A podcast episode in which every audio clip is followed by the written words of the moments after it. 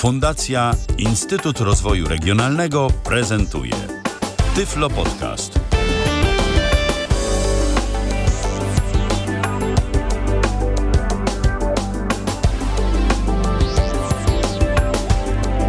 Minęła godzina 19, a to jest Tyflo Radio. Słuchacie nas jak zawsze na www.tyflopodcast.net, bo też i właśnie Tyflo Radio jest częścią serwisu Tyflo Podcast, czyli pierwszego polskiego podcastu dla osób niewidomych i niedowidzących. Jak zawsze w poniedziałek na żywo spotykamy się na antenie Tyfloradia, aby porozmawiać o różnego rodzaju interesujących kwestiach, e, kwestiach interesujących z perspektywy właśnie osób niewidomych i słabowidzących. No i też dziś właśnie będziemy o tym rozmawiać. Dziś e, porozmawiamy sobie o rozwiązaniach e, GPS, o rozwiązaniach przede wszystkim programowym, przede wszystkim programowych, ale także i o sprzętowy, ten aspekt GPS-u również zahaczymy. Dziś zebrało nas się tu kilku, a będzie jeszcze więcej. Witam Witam bardzo serdecznie moich dzisiejszych gości.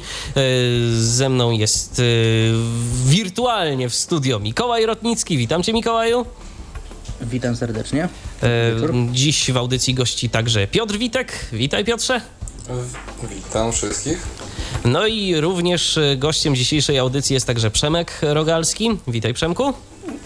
Witam również. E, pojawi się także na naszej antenie jeszcze również Adam Ostrowski, ale Adam pojawi się za czas jakiś. E, póki co e, w czwórkę poprowadzimy przynajmniej pierwszą część tego naszego dzisiejszego spotkania. Jak już wspominałem wcześniej, Dziś rozmawiać będziemy o GPS-ach, o mm, tym systemie, ale także i o programowaniu, które wspiera ten system po to, żeby nam było łatwiej, żebyśmy mogli sobie radzić tu i tam, kiedy samodzielnie się przemieszczamy z jednego miejsca do drugiego. Ale może najpierw przypomnijmy naszym słuchaczom, bo być może nie wszyscy wiedzą, a zawsze dobrze to wyjaśnić i dobrze powiedzieć, yy, chociaż ten skrót jest bardzo popularny, no ale może wyjaśnijmy i przypomnijmy na dobry początek. Piotrze, może mm, ciebie poproszę o to, bo, bo ty już kiedyś o tym mówiłeś, ale to cię poproszę jeszcze raz. Co to właściwie jest ten GPS? Y, o co chodzi? Co to za skrót? Co to, co to właściwie znaczy? Zawsze takie mi dajesz podchwytliwe tutaj e, kwestie do wyjaśniania, wyjaśniania akronimów.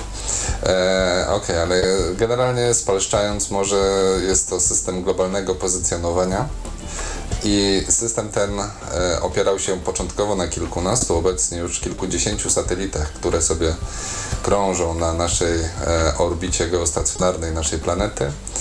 I system ten polega na tym, jest to system radiowy, e, iż wysyłane są z satelitów sygnały radiowe z dokładną lokalizacją poszczególnych satelitów i te sygnały radiowe mm, odbierają e, odbiorniki GPS, które znajdują się w różnego rodzaju urządzeniach i na zasadzie e, najprościej chyba no, ujmując triangulacji e, określają położenie swoje względem tych satelitów, czyli są w stanie dokładnie określić gdzie znajdują się. Dokładność tego obliczenia jest tym większa, e, z im większej liczby satelitów sygnał jest odbierany.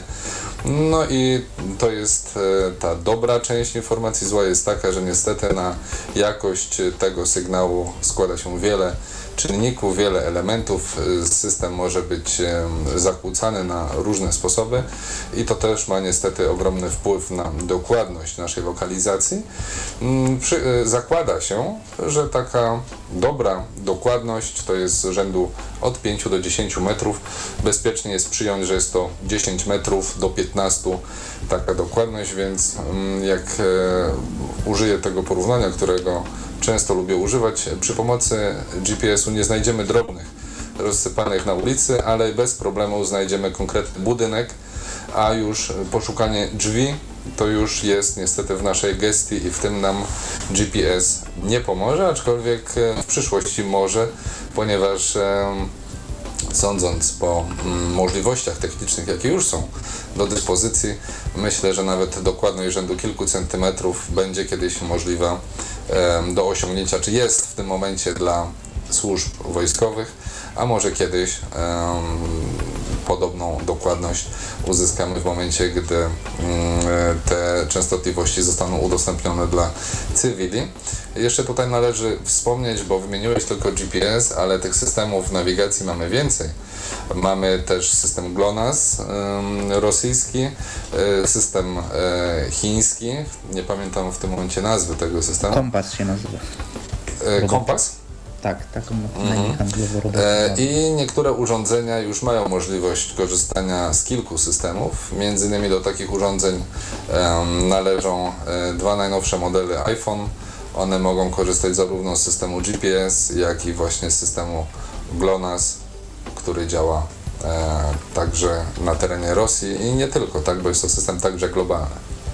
Y, Co do tego systemu GPS i co do jego dokładności, to mm, nie wiem, czy też o tym słyszeliście, ale ja kiedyś czytałem y, co nieco na temat y, tego, jak to działa i okazuje się, że ten system mógłby być naprawdę o wiele mm, dokładniejszy, ale mm, wymaga to odpowiedniej autoryzacji. Tak naprawdę odbiornik, żeby otrzymać dokładniejsze dane, musi się w jakiś sposób zautoryzować, a takie możliwości autoryzacyjne mają tylko i wyłącznie odbiorniki wojskowe.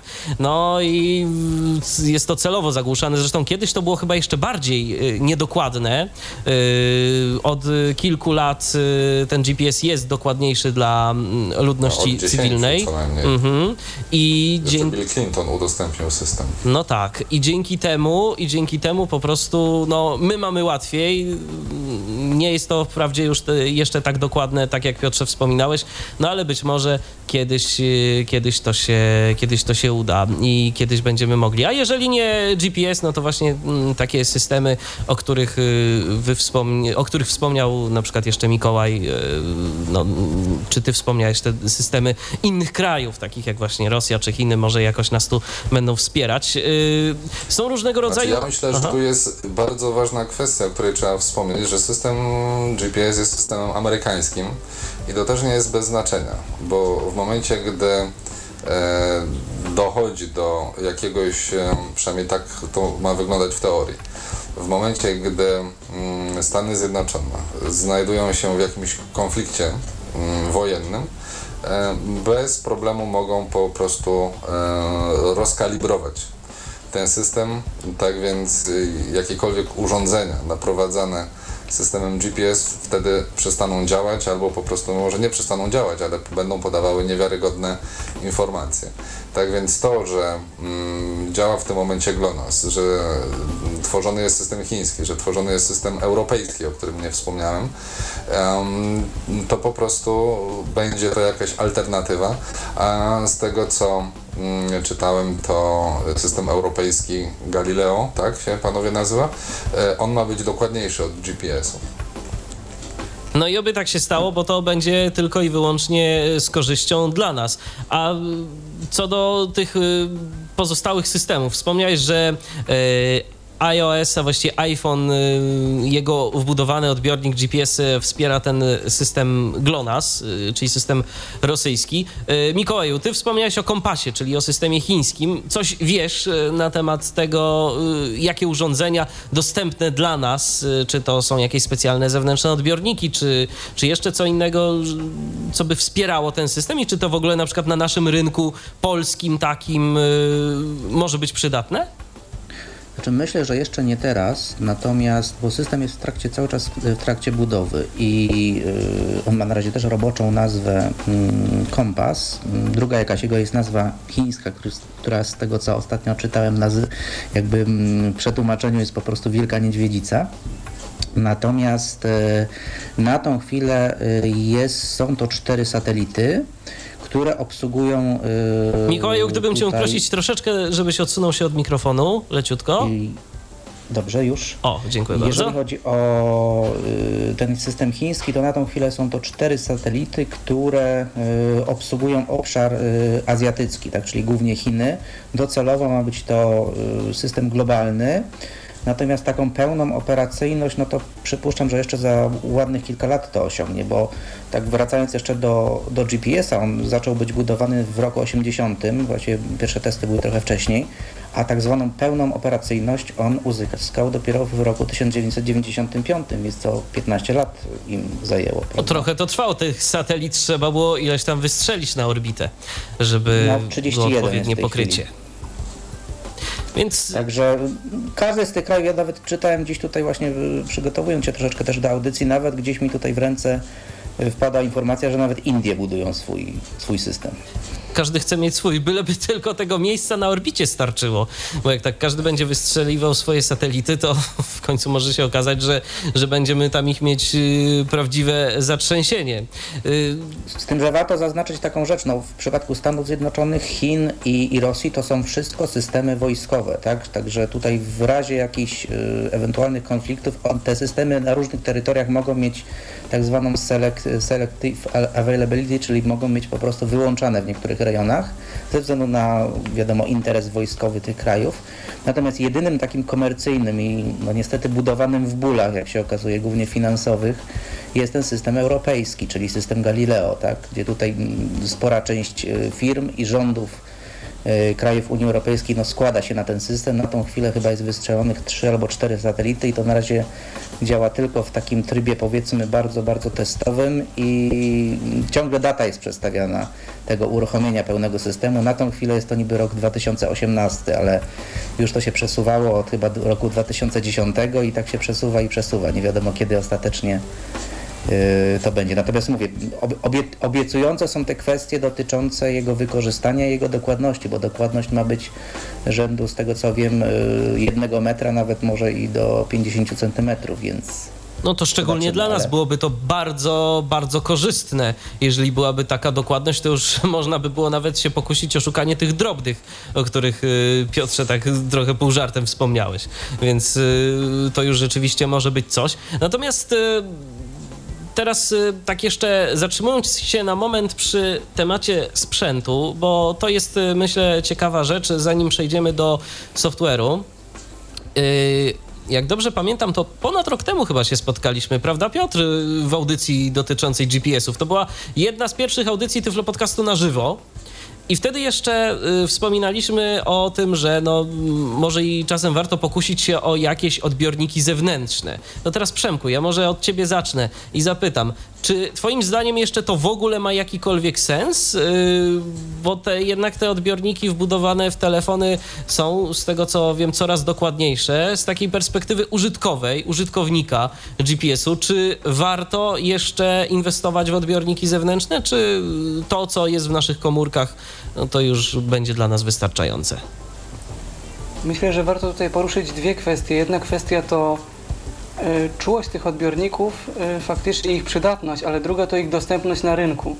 Jest ich faktycznie coraz mniej, y, zwłaszcza z tego względu, że urządzenia, od takich urządzeń nawigacji samochodowej począwszy, które mają swoje odbiorniki wbudowane, do smartfonów, które również takie odbiorniki mają. No jakby to wszystko wypiera troszeczkę mm, konieczność używania i w ogóle produkcji odbiorników zewnętrznych. Ale aczkolwiek no, jest jeszcze druga strona medalu, no taka, jaką kiedyś też często podkreślali użytkownicy tych y, wszystkich programowych rozwiązań, no, że zawsze są to jakoś tam dwa urządzenia i wtedy cała ta energia potrzebna do nawigacji y, może być rozłożona tak na, na kilka urządzeń i nie mamy sytuacji, że nam się taki smartfon wyładuje w ciągu y, bardzo krótkiego czasu, bo cała jego energia zostanie zużyta na nawigację. Ale no, ja na przykład do tej pory mam jeszcze odbiornik zewnętrzny, ale wiem, że gdybym chciał kupić taki następny, to musiałbym się nieźle naszukać, żeby znaleźć jakikolwiek. Fakt, one są często jednak mimo wszystko dokładniejsze albo porównywalne coraz bardziej z odbiornikami znajdującymi się wewnątrz najnowszych urządzeń. E, Nie, nie tylko takich do nawigacji, ale właśnie takich jak e, e, nie wiem, najnowszy iPhone, czy, czy najnowsze rozwiązania jak Samsunga, czy innych właśnie mm, firm. Mm, Ale no myślę, że jeżeli jeszcze ktoś korzysta z e, takich e, rozwiązań typu Loadstone, takich na telefon komórkowy, e, systemem Symbian, no to jednak jeszcze warto z takiego zewnętrznego odbiornika korzystać. No jeśli Ja nie, no to wiadomo, przykład do iPhone'a nie podłączymy takiego, takiego zewnętrznego odbiornika zbyt łatwo, albo jest, no, jest tylko kilka tego typu e, modeli. E, no do telefonu z Androidem możemy podłączyć odbiornik zewnętrzny, więc jeszcze się też może przydać. Ja od razu zapytam, Przemku, czy ty próbowałeś yy, w iPhone'ie albo na przykład w iPodzie Touch albo w jakimś i-urządzeniu yy, skorzystać z opcji jail, jailbreak i podłączyć w ten sposób zewnętrzny odbiornik GPS? Bo słyszałem, że tak się da, ale nie słyszałem o nikim, kto by tego próbował w praktyce. No szczerze mówiąc, tego akurat rozwiązania nie testowałem osobiście. E, czytałem na tej liście zagranicznej, że niektórzy tam próbowali, ale mimo wszystko chyba już łatwiej, łatwiej na urządzeniach z Androidem taki odbiornik e, sobie podpiąć niż, niż na iPhone'a. Bo na iPhone'a są dedykowane takie modele, one są dosyć drogie i, i są też specjalne programy do ich obsługi. Natomiast, żeby podpiąć taki zwykły, na przykład odbiornik e, typu Kustasz, czy, czy Nokia, czy iBlue, czy cokolwiek, no to nawet mimo jailbreaka chyba to nie działa aż tak płynnie i stabilnie jak, jak z rozwiązaniami typu Nokia, nie? Piotrze, słuchamy cię, bo chciałeś też coś powiedzieć. Tak, e, chciałem powiedzieć tutaj um, trzy kwestie. Jedna to jest tak, jak Przemek mówi, um, kwestia e, czułości. Nie wiem, jak w tym momencie e, wygląda e, ta sytuacja w przypadku mm, Samsungów. E, Model 4S e, iPhone'a e, miał możliwość odbioru tylko 6 satelitów jednocześnie, więc to też nie było zbyt oszałamiające, szczególnie, że takie zewnętrzne odbiorniki umożliwiały odbiór nawet kilkudziesięciu satelitów. Um, to jest jak gdyby mm, jedna kwestia. Druga kwestia to jest kwestia czułości. Jednak te Nokie, które, mm, na których można było korzystać, czy można jeszcze korzystać z Loadstone'a, miały ten wbudowany odbiornik dość słaby. To były mm, tej samej e, produkcji chipsety amerykańskiej firmy. One były też dość mocno energożerne i, i przy tym dość e, kiepskiej dokładności, dlatego bardzo dobrze się sprawdzały odbiorniki zewnętrzne.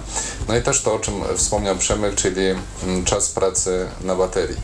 E, Nie ma po prostu możliwości, żeby mm, wbudowany GPS działał dłużej niż, niż 4 godziny i potem każde urządzenie, chyba że korzystamy y, z tabletu, tutaj y, jest większa bateria i może to inaczej wyglądać, ale w przypadku smartfonów 4 godziny to jest ta mm, ostateczna granica, więc ci, którzy nie wożą dzisiaj ze sobą zewnętrznych odbiorników, zmuszeni są wozić ze sobą zewnętrzne baterie, żeby te swoje mm, urządzenia ładować, więc de facto wychodzi na to samo. I tu jeszcze a propos parowania. Em, wiem, że z, ze zwykłymi Androidami, w sensie różnymi telefonami e, na tym systemie nie ma większych problemów, aczkolwiek jest kilka wyjątków. Na przykład Samsung Galaxy S3 ma problem, e, znaczy problem, taka cecha. Tam też nie możemy wysyłać plików przez e, Bluetooth, wizytówek nie możemy wysyłać. Um, to są takie same mm, problemy, na które narzekają użytkownicy iPhone'a.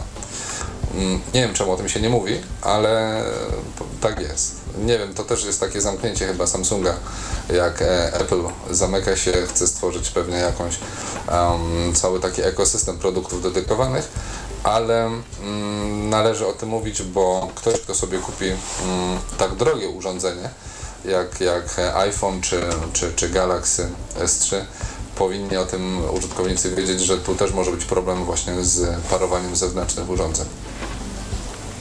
To się wszystko zgadza, yy, bo no rzeczywiście ce, cenowo to porównywalne to są urządzenia, a później ktoś może też usłyszeć, że no rzeczywiście Android jest taki otwarty, a okazuje się, że jest zupełnie inaczej. Yy, Mikołaju, a z Twojego doświadczenia korzystasz z GPS-u zewnętrznego, czy jednak yy, wolisz miniaturyzację i posiłkujesz się po prostu z tym, co masz w telefonie? Znaczy ja powiem tak, że jak do niedawna korzystałem, dopóki też się nie przesiadłem na iPhone'a jako swojego głównego telefonu, to też korzystałem z odbiornika, nadal mam, tutaj nawet leży na biurku koło mnie, odbiornik y, Nokii.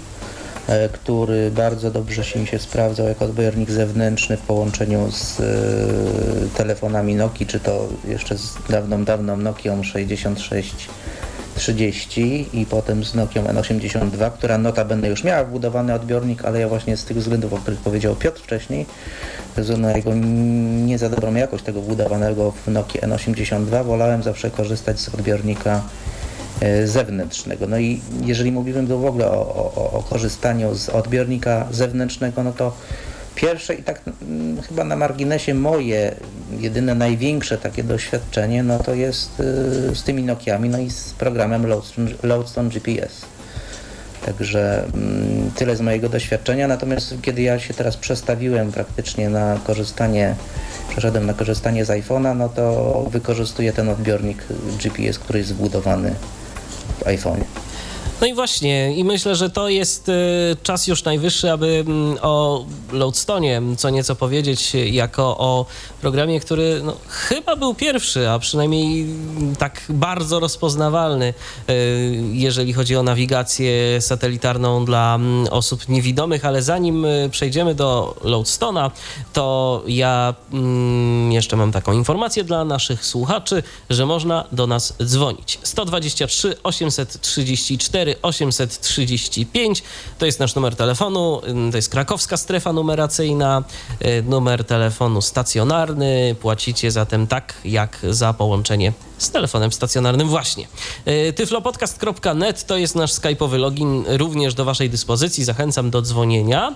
Y, jeżeli ktoś chciałby się swoimi doświadczeniami podzielić odnośnie aplikacji do nawigacji satelitarnej, nieważne na jaki system, może być Symbian, może być iOS, może być Android, a może jeszcze ktoś z czegoś korzysta innego i chciałby o tym opowiedzieć. Zapraszamy mm, bardzo serdecznie. Przemku, y, jak to było z tym Loadstone'em? Bo ty i Mikołaj, to jak dobrze pamiętam, jesteście takimi osobami, które z tą aplikacją no, bardzo długo już mają do czynienia. Piotr, a Piotr to jest ktoś, kto y, taką rolę edukatorską mm, przejął, nagrywając tyflo podcasty na temat y, Loadstona i wyjaśniając to wszystko. Ale wy chyba znacie dłużej Loadstona, prawda?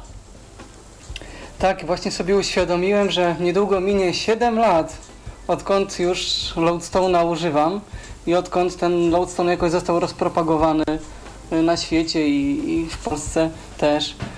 E, też mam takie ciekawe jeszcze wspomnienia. Pamiętam jak e, na początku wakacji właśnie 2006 roku dostałem maila tutaj od kolegi Michała Luduchowskiego, że gdzieś tam daleko w Kanadzie Y, jakaś grupa osób niewidomych y, chce stworzyć, już stworzyła właściwie, program do nawigacji właśnie dla osób niewidomych. I taki na, na telefony z systemem Symbian. A więc się zainteresowałem tym programem. Pamiętam, że pobrałem go. Y, jeszcze wtedy to połowy tych funkcji nie miał co teraz. Był tylko po angielsku. E, pamiętam, że próbowałem wprowadzić własne punkty, to nie było możliwości nawet wprowadzenia punktów z y, polskimi znakami, ani ich wczytania nawet. Y, więc y, pamiętam, że nawiązałem wtedy współpracę z twórcami tej aplikacji właśnie z prośbą o to, czy, czy można jakoś im pomóc przetłumaczyć ten program na język polski, żeby właśnie wprowadzili te wszystkie polskie diakrytyki, Unicode czy cokolwiek, żeby to działało tak jak chcemy. E, no i, i tak to się zaczęło. Tak powolna przygoda taka z rozpracowywaniem tego, z czytaniem całej tej y, dokumentacji.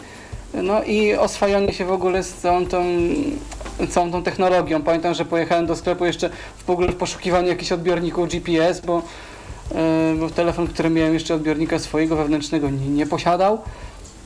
E, no i takie odbiorniki wtedy były też o wiele droższe niż, niż w tej chwili. One tam kosztowały 400-500 zł i też nie były aż tak dokładne. Jak nawet w tej chwili sobie porównuję yy, współrzędne, czy tam w ogóle jakieś nagrania tras stworzone jakimś y, najnowszym odbiornikiem, a tym pierwszym, którym posiadałem, no to, to też widać tutaj też bardzo duży taki skok technologiczny. Ale pamiętam właśnie y, zachwyt na tym, że wpisywałem swoje własne punkty, że mówiło mi jaka jest odległość i kierunek do tego punktu.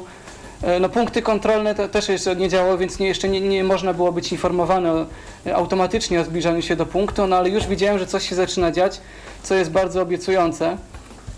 A było to dla mnie wtedy też szczególnie przydatne, bo e, jeździłem na praktyki dużo komunikacją miejską i wtedy zacząłem sobie wpisywać przystanki. Już wtedy wiedziałem, że to się spodoba nie tylko mi, ale ogólnie niewidomym i dlatego postanowiłem jakoś to rozgłaszać i, i inwestować swój czas i, i jakiś wysiłek w ten, w ten projekt. No i tak bo trochę zostało też do dzisiaj. trudne w ogóle było nauczenie się y, obsługi Loadstona, bo ja spotykam się z takimi opiniami bardzo częstymi, że Loadstone to jest taka aplikacja, która wymaga poświęcenia jej dużo czasu, mm, bo trzeba się pewnych rzeczy nauczyć, ale kiedy się już nauczymy obsługi Loadstona, no to się odpłaca, bo po prostu jest bardzo wygodnym narzędziem. Znaczy, do pewnego stopnia się z tym zgadzam. Kiedyś e, Piotrek Witek napisał, że żeby się nauczyć Lawsona trzeba przejść szkolenie.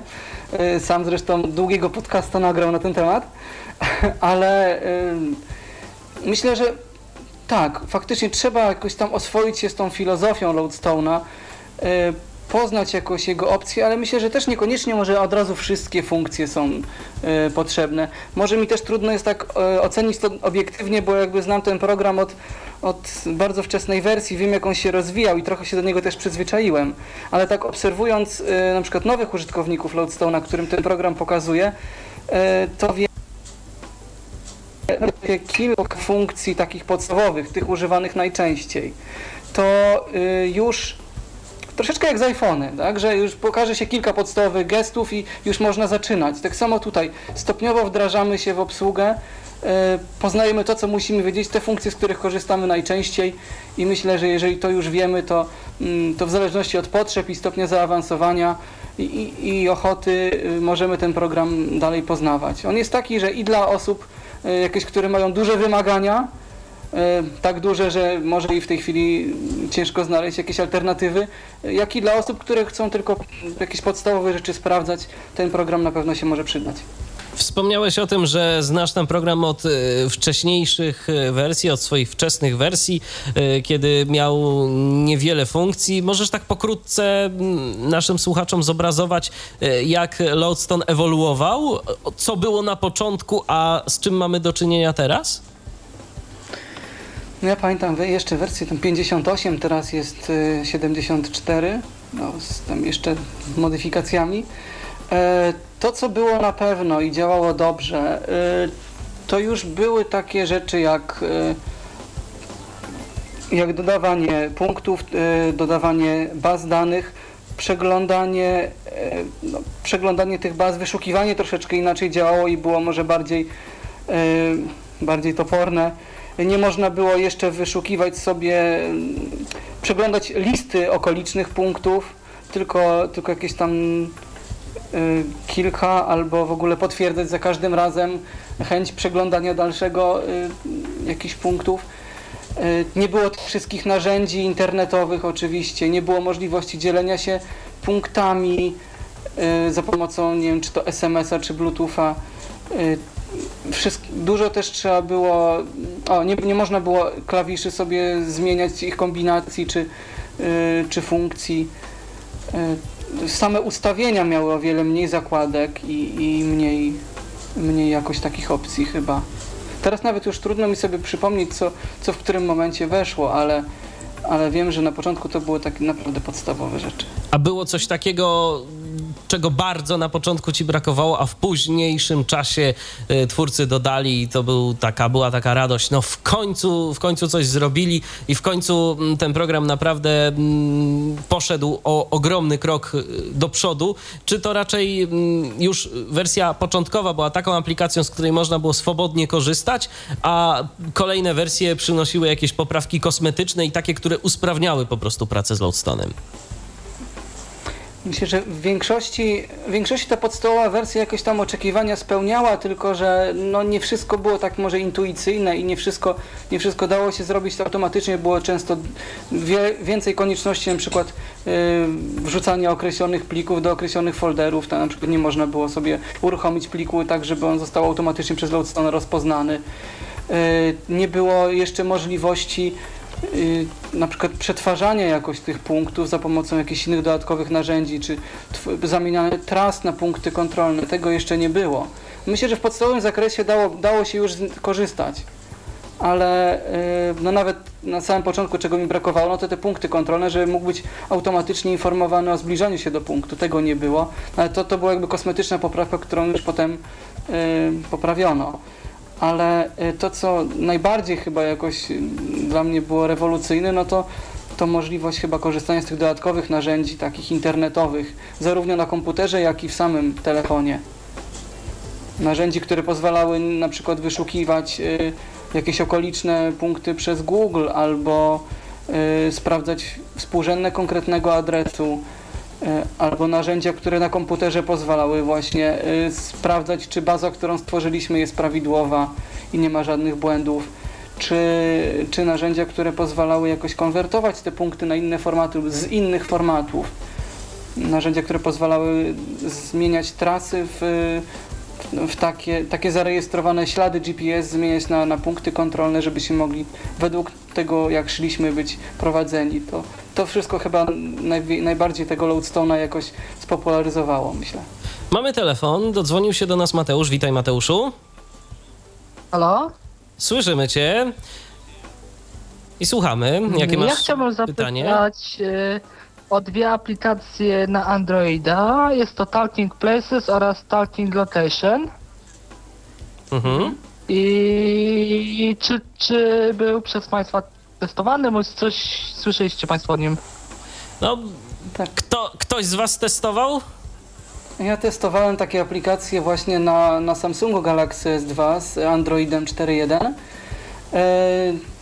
Tak dla wyjaśnienia, Talking Location to była aplikacja, która co określony odstęp czasu podaje nam informacje z Google o naszym aktualnym położeniu, właśnie wskazując adres najbliższy nasze, od naszych współrzędnych, w których w danej chwili się znajdujemy. E, Natomiast Talking Places e, to aplikacja, która właśnie podawała e, okoliczne punkty z podziałem na kategorie.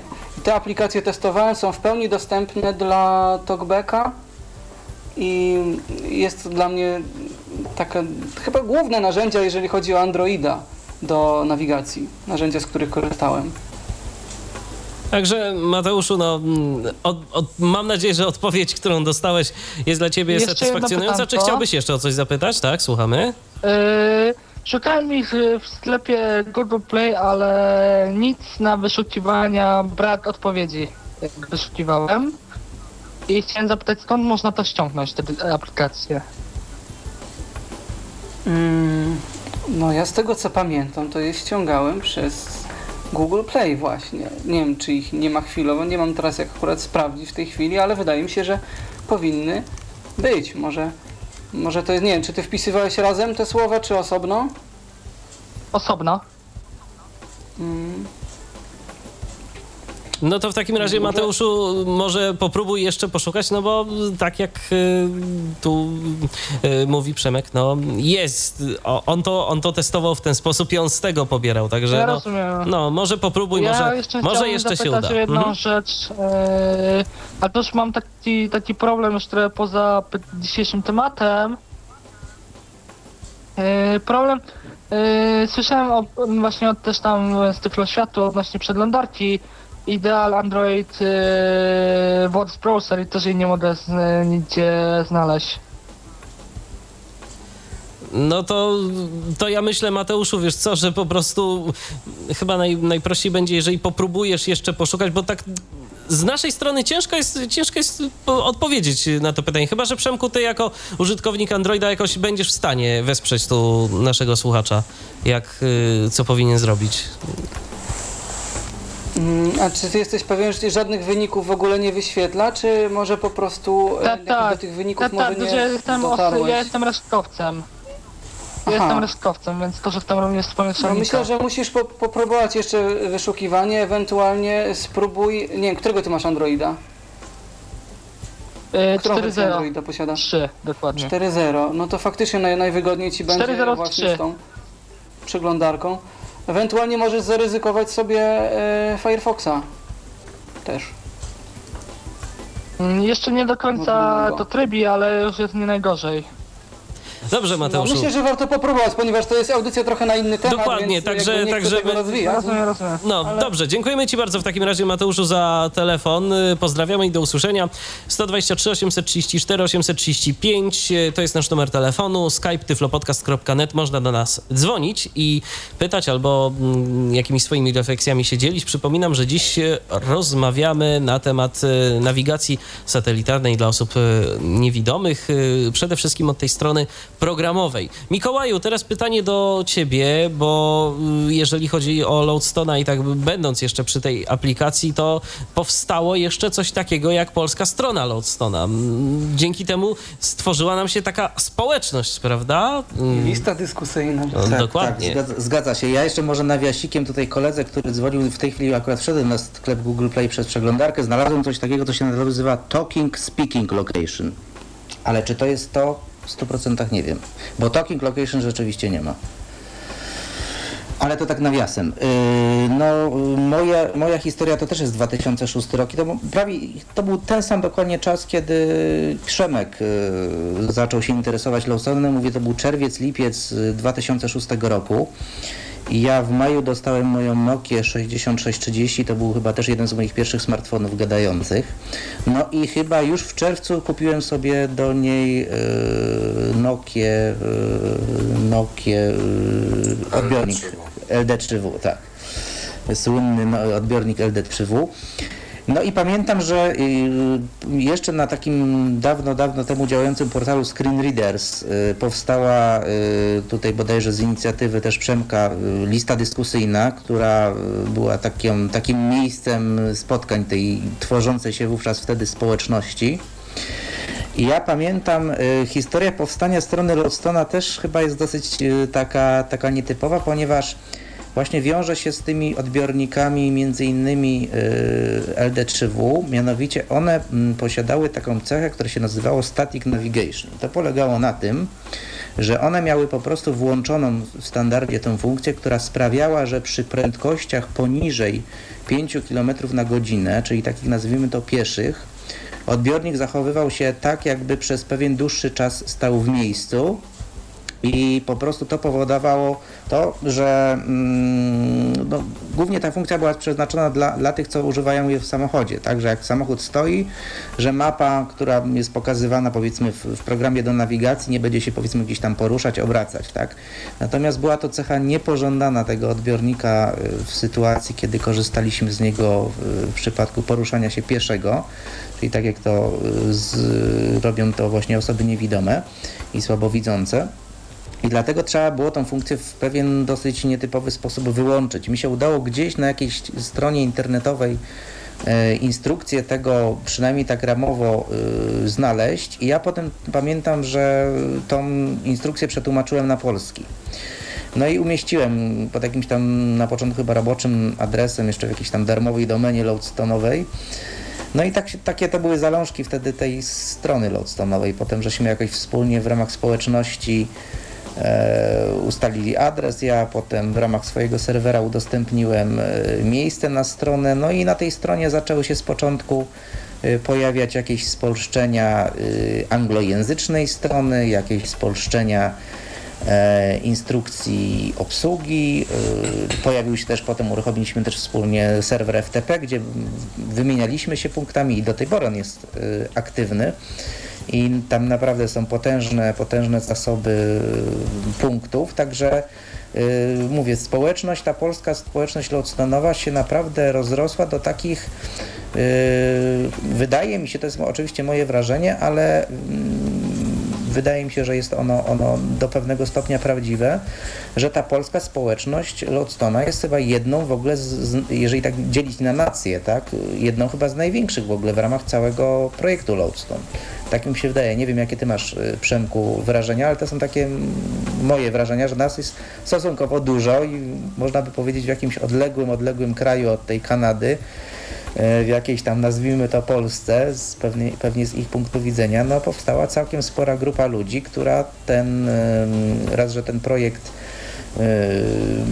bardzo rozwijała, bo się przyczyniała tutaj, pamiętam i, i Przemek, ty jesteś, jeżeli dobrze pamiętam, chyba jeden z głównych autorów w ogóle spolszczenia Loadstona, a po drugie potem też była też ta, ta cała zabawa tymi dodatkowymi funkcjonalnościami, które się pojawiały. Ja pamiętam swego czasu napisałem taki, takie narzędzie online'owe GeoCoder, które działało w taki sposób, że wpisywało się adres, na przykład tam, nie wiem, ulica Sobieskiego 5 w jakimś mieście i po wciśnięciu Entera on odpytywał bazę Google'ową i wyszukiwał nam współrzędne, które potem można było pobrać w odpowiednim formacie Loadstone'a. Takie, takie narzędzie pamiętam napisałem, ono też jest umieszczone, cały czas ono działa z tego, z tego co pamiętam.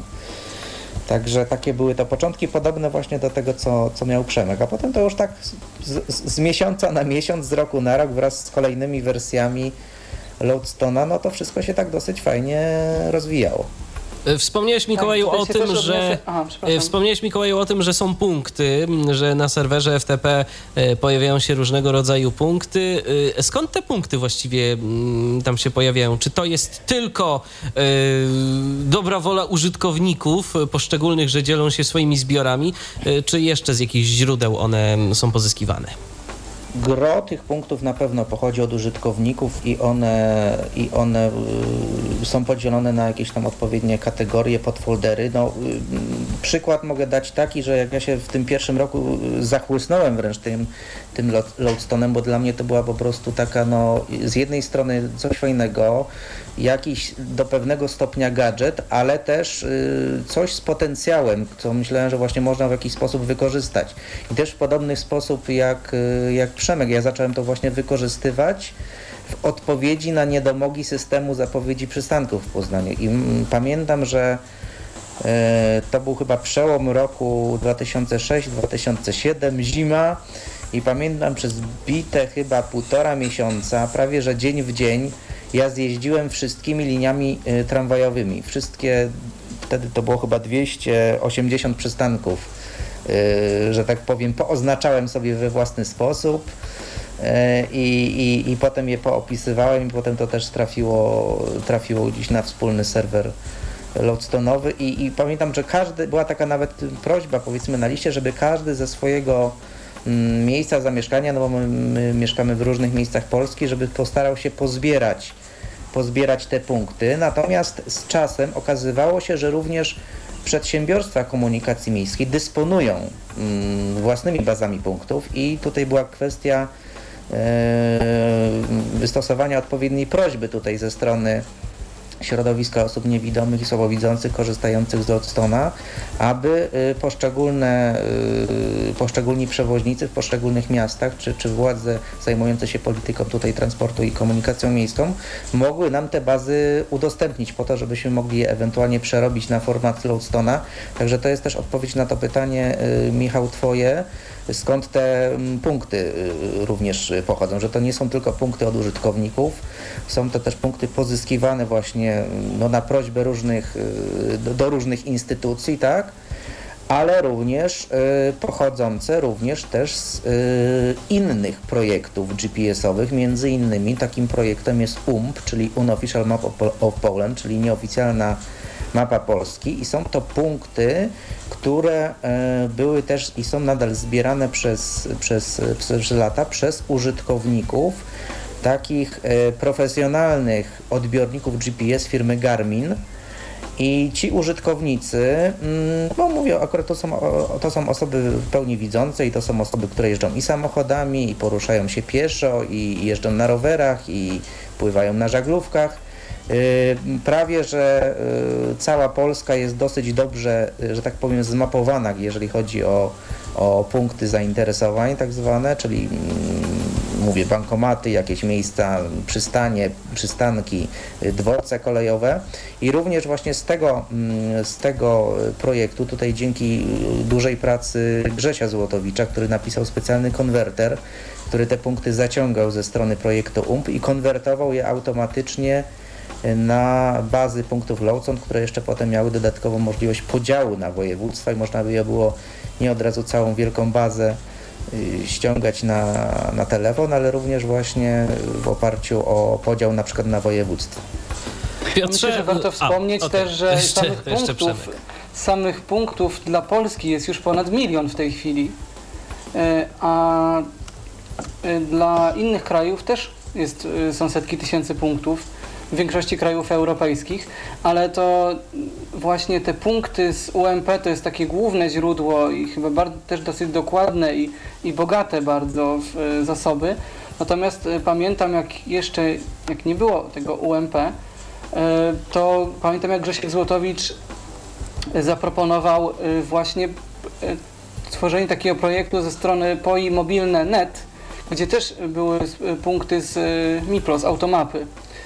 Y, gromadzone i przetwarzanie tych punktów na Loadstone'a, bo te, te, punkty charakteryzowały się tym, że miały dosyć rozbudowane nazwy na kilka pól, no i trzeba było te nazwy skracać do, yy, do, takiej, do takiej postaci, żeby się w Loadstone zmieściły. I też dużo osób yy, społecznie pracowało nad tym, żeby żeby takie punkty stworzyć. To też były setki tysięcy punktów, też cały projekt powstał i tutaj uaktywniła się siła społeczności Loadstone'a, bo sporo osób się w tym zaangażowało. Pamiętam, jak kolega Andrzej Modrzewski ze 120 takich plików przerobił, więc naprawdę było kawał, kawał dobrej roboty. No i, jak, i to też jakoś pomogło w e, podróżowaniu po Polsce na pewno wielu osobom. E, jeszcze się odniosę do tego, że dla samych do tych przystanków autobusowych to już dla kilku miast mamy. Mamy dla Białego Stoku, dla Warszawy, Krakowa, Łodzi, Lublina, Śląska i jeszcze chyba kilku. E, no także właśnie. A jeszcze wracając, póki, póki pamiętam, e, do samego tłumaczenia interfejsu Loadstone, z tym też była ciekawa sprawa, bo pamiętam, kiedy zaczynałem nad tym pracę, E, trzeba było jeszcze no, prawie dłubać w kodzie źródłowym, po prostu w określonych plikach zamieniać angielskie napisy na polskie, tak. Dopiero później został stworzony specjalny taki serwis webowy z formularzami, w które się te dla różnych języków tłumaczenia można było wpisywać. Jeszcze jeżeli chodzi o to, jak, jak polska społeczność była aktywna, ja nawet obserwowałem już od dosyć dawna, że nawet jeżeli na zagranicznej liście niewiele się działo i choć z różnych krajów ludzie pisali, to jednak dużo tych maili nie było, to polska grupa cały czas jakoś była aktywna i tych maili przychodziło znacznie więcej. I nadal do tej jest. pory się pytania pojawiają, do tej pory się nadal pytania pojawiają, do tej pory nadal ludzie sobie służą pomocą. Często się zdarza na przykład, że ktoś prosi o współrzędne jakiegoś konkretnego miejsca albo polecenie jakichś mm, jakichś ciekawych punktów, albo, albo nie wiem, współrzędne dworców, współrzędne jakichś tam przystanków, czy adresów, czy czegoś. Także widać, że rozwiązanie nadal służy.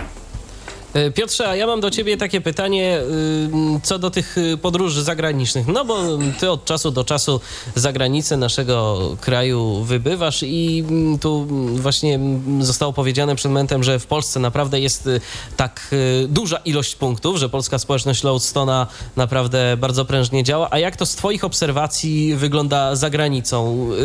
Można śmiało się wybierać w obce miasto z Loadstonem gdzieś tam za granicą, czy no jednak lepiej lepiej z tym ostrożnie?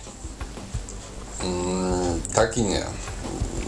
Dlaczego? Loadstone przede wszystkim mm, ma jeszcze jedną y, możliwość, to znaczy importowania dzięki narzędziom internetowym baz y, projektu na przykład y, OpenStreetMap i te bazy są o wiele bardziej popularne mm, w innych krajach, powiedzmy w krajach zachodnich. I z tych baz o wiele lepiej korzystać niż z projektu UMP, które posiadają szczątkowe punkty, najczęściej jeśli są jakieś punkty z tych baz, przynajmniej w tych krajach, w których ja byłem, to to są jakieś oznaczenia mm, autostrad, stacji benzynowych, tego typu rzeczy, które tak naprawdę mm, nam mm, do niczego są niepotrzebne a mm, OpenStreetMap ma o wiele większe zasoby w tych krajach, tak jak mówię, e, Europy Zachodniej i ich bazy oczywiście można też sobie importować do Loadstone'a i korzystać. Mm, ja bym chciał tutaj jeszcze wspomnieć a propos właśnie użyteczności Loadstone'a, bo e, tak jak wspomniałeś, e, nagrałem kilka audycji, mm, w tym jedną tak nudną, że sam prawie zasnąłem przy nagrywaniu ponieważ tyle trzeba było opowiedzieć o Loadstone, a opisywałem sam interfejs, więc dla osób, które pierwszy raz zabrałyby się do nauki Loadstone'a, tak naprawdę to jest bardzo skomplikowane. Ja tak osobiście uważam, aczkolwiek jeśli weźmiemy jakąś osobę, która nie ma pojęcia na temat tego systemu, tego programu, damy jej telefon do ręki z Loadstone'em i powiemy, słuchaj, jak tu naciśniesz, zrobisz tak, się dowiesz, gdzie jesteś, a jak tu naciśniesz, to wstawisz punkt, tylko wpiszesz nazwę i potem naciskając jeden guzik będziesz informowany, jak daleko jesteś od tego punktu. Nagle się okazuje, że w kilkanaście minut możemy kogoś przekonać do tej aplikacji i ktoś będzie mógł tej aplikacji używać z powodzeniem. Ja sam pamiętam taki przypadek e, Mirka, który nawet może nas słucha. Kiedyś pamiętam, znalazł się w takiej sytuacji, gdzie trafił sam do szpitala i tam dopiero, nie korzystając wcześniej z GPS-u, e, tam dopiero odważył się skorzystać z Loadstone'a i nagle okazało się, że on wszędzie może dojść. Wcześniej nigdzie nie chodził sam, a od tamtej pory y, zaczął. I to było dla mnie taki właśnie najlepszy dowód na to, że mm, kilka prostych komend i można zacząć zabawę z nawigacją, a mm, do całej reszty można się później przekonać. Ja nieco później wszedłem w Loadstone'a niż tutaj panowie. E, ja zacząłem parę miesięcy później, bo pamiętam, że notabene na Mikołaja sprawiłem sobie mm, zestaw sławkowy i, i, i, odbiornik zewnętrzny do mojego telefonu i właśnie w grudniu 2006 roku zacząłem się tym bawić i też jak gdyby zacząłem od przystanków. Nie wiem, czy to jest jakieś takie symptomatyczne, ale właśnie przystanków komunikacji miejskiej. Powód był nieco inny e, niż w przypadku na przykład Mikołaja. Ja po prostu jeżdżąc do pracy notorycznie zasypiałem w autobusie. I za każdym razem musiałem kogoś pytać, gdzie jestem już, czy, czy już przejechałem przystanek, czy jeszcze nie. Więc po prostu dla mnie mm, Lodestone był błogosławieństwem, bo, bo po prostu zawsze wiedziałem, gdzie jestem i po prostu mogłem spokojnie drzemać. I jak gdyby od tego się zaczęło. No a cała reszta to już potem potoczyła się z górki. Tak jak Przemek też wspomniał, e, pytałeś Michale o to, czy były jakieś oczekiwania, czy byliśmy zadowoleni, czy nie z korzystania z tej aplikacji. Tak naprawdę dla nas to była pierwsza aplikacja, więc nie mieliśmy jakichkolwiek wyobrażeń. Cieszyliście się, że, się, że po prostu działa. Dokładnie, z każdego drobiazgu, więc nigdy nam w, wtedy do głowy nawet nie przychodziły takie rzeczy, żeby poznawać, nie wiem, fazy księżyca y, i wschody i zachody słońca, co, co teraz Lodestone oferuje, czy możliwość korzystania z geokodera, którego Mikołaj przygotował, że wystarczy właśnie wpisać adres i dostajemy współrzędne i od razu je możemy importować do naszego telefonu i tak dalej, i tak dalej. Także wtedy byliśmy zadowoleni z każdego mm, drobiazgu, z każdej nowinki. No i fakt faktem y, wtedy mm, też Loadstone był bardzo często aktualizowany. No teraz już bodajże od dwóch lat nie było ani jednej aktualizacji, więc y, można z tego programu korzystać, ale najprawdopodobniej on już y, nie będzie rozwiany. I może i dobrze, tak? Bo jestem przerażony, jak pomyślę, że doszłoby tam, nie wiem, kolejne 50 funkcji. Teraz po prostu czas na kolejne aplikacje, na kolejne systemy, bo i sam Symbian, no to już jest y, raczej pieśń przeszłości, ale o tym sobie myślę, że jeszcze porozmawiamy. Teraz odbierzmy telefon od naszego słuchacza. Dodzwonił się do nas Robert. Witaj, Robercie. Witajcie, tak. Czy dobrze Słuchamy. słychać, bo mi się tu coś... Dobrze, dobrze cię słychać, dobrze cię słychać. Dobrze. No, ja jestem stałym słuchaczem tego podcastu, aczkolwiek dopiero, dzisiaj dopiero zacząłem słuchać. To takie banalne pytanie, Wstydzę się nawet mówić, ja nigdy nie miałem telefonu komórkowego, nawet w ręce. Natomiast jakbym się w tym roku ubiegał o no, dotację w MOPS-ie, w PCPR-ze, no to y, o jaki model, żeby jednocześnie służył do nawigacji? No to jest ciekawe pytanie. I teraz, y, panowie, co polecicie Robertowi? Bo, y, to jest, bo to jest interesujące pytanie. Czy jeszcze jednak y, do nawigacji polecicie iść w Symbiana, czy, czy jednak, czy jednak y, iOS, a może Android? Ponieważ y, tak naprawdę to najwygodniej myślę, że korzystało się z Loadstone'a jeszcze na tych takich telefonach typowo klasycznych. Nie znaczy, że na innych się nie da, ale przynajmniej jak dla mnie zawsze najwygodniej było na tych klasycznych. E, No a Loadstone, jak już wspomnieliśmy, prawdopodobnie rozwijać się nie będzie, skoro już tak dawno żadnej aktualizacji nie było, e, a przynajmniej szansa jest ku temu niewielka. E, to może warto spojrzeć na rozwiązania, które w tej chwili są jakby na topie, zwłaszcza jeśli jest możliwość ubiegania się o, o to, żeby sobie je jakoś dofinansować. Ale co byś Przemku... chwilę, Ale, będziemy mówili, za chwilę będziemy mówili o tych aplikacjach, które poza Loadstone'em jeszcze istnieją, więc to myślę, że da jakiś szerszy ogląd na sprawę tutaj koledze. Okej, a ty Piotrze, co, co byś polecił Robertowi na start? Ja widzę tutaj, że Przemek jest dyplomatą. No właśnie, tak... Ja, ja powiem em, subiektywnie oceniając w tym momencie możliwości mm, na dzień dzisiejszy. Na dzień dzisiejszy uważam, że mm, system iOS, czyli wszystkie mm, iPady i iPhony, y, to są rozwiązania, które na dzień dzisiejszy um, dają największe możliwości. Nie mogę powiedzieć, że na przykład za dwa miesiące, pół roku to się nie zmieni i na przykład e, najnowsza wersja Androida nie zaoferuje nam rozwiązań dostępnościowych, które będą o wiele lepsze od e, tych, które oferuje nam dzisiaj na przykład iPhone. Ale tak jak mówię, na dzień dzisiejszy uważam, że mm, ta platforma daje największe możliwości, głównie z tego powodu, że możemy mm, tak naprawdę przebierać w aplikacjach do nawigacji na tą platformę i każdy może znaleźć dla siebie e, narzędzie takie, które będzie mu odpowiadało. ale coś tak bardzo funkcjonal- funkcjonalnego jak Loadstone, bo tu, bo tu Robert zadał takie pytanie, że szuka czegoś do nawigacji. Czyli możemy y, Robertowi odpowiedzieć tak, że jeżeli y, szuka telefonu przede wszystkim z myślą o tym, żeby y, służył mu do nawigacji, to również iPhone będzie odpowiedni, mimo tego, że no, na baterii jednak działa niezbyt długo i... Słuchajcie, ja wejdę w słowo. Aha. Ja po prostu, no, ben, y, u mnie rozmowy i SMS-y to taką dalszoplanową rolę odgrywają. Mhm. Bo, y, głównie ze względu na inne funkcje, żeby go na przykład w podróży używać, czy mm, nie daj Boże w czasie pobytu w szpitalu, żeby go wykorzystywać tak jak komputer, żeby miał kartę pamięci, A, no, pojemną. To w takim... No wy- i oczywiście nawigacja. To, To w takim wypadku, Robercie, jeżeli chcesz mieć takie funkcje również bardziej komputerowe, no to, to, to myślę, że ja w tym momencie też się przychylę do tego, co mówił Piotr, zdecydowanie, zdecydowanie Nie iPhone. zapisałem sobie, ale mam nadzieję, że to jest zarejestrowane gdzieś tam. Oczywiście to się wszystko nagrywa, to się wszystko Tak, nagrywa, oczywiście. audycja będzie do pobrania No to ze strony Tyflo Podcastu. Tych słuchaczy oczywiście, tak. Pozdrawiamy również Ciebie, dziękujemy za telefon, do usłyszenia. Yy, No i obyś wybrał tak, żebyś był sam z tego zadowolony, bo to w końcu o to, o to chodzi.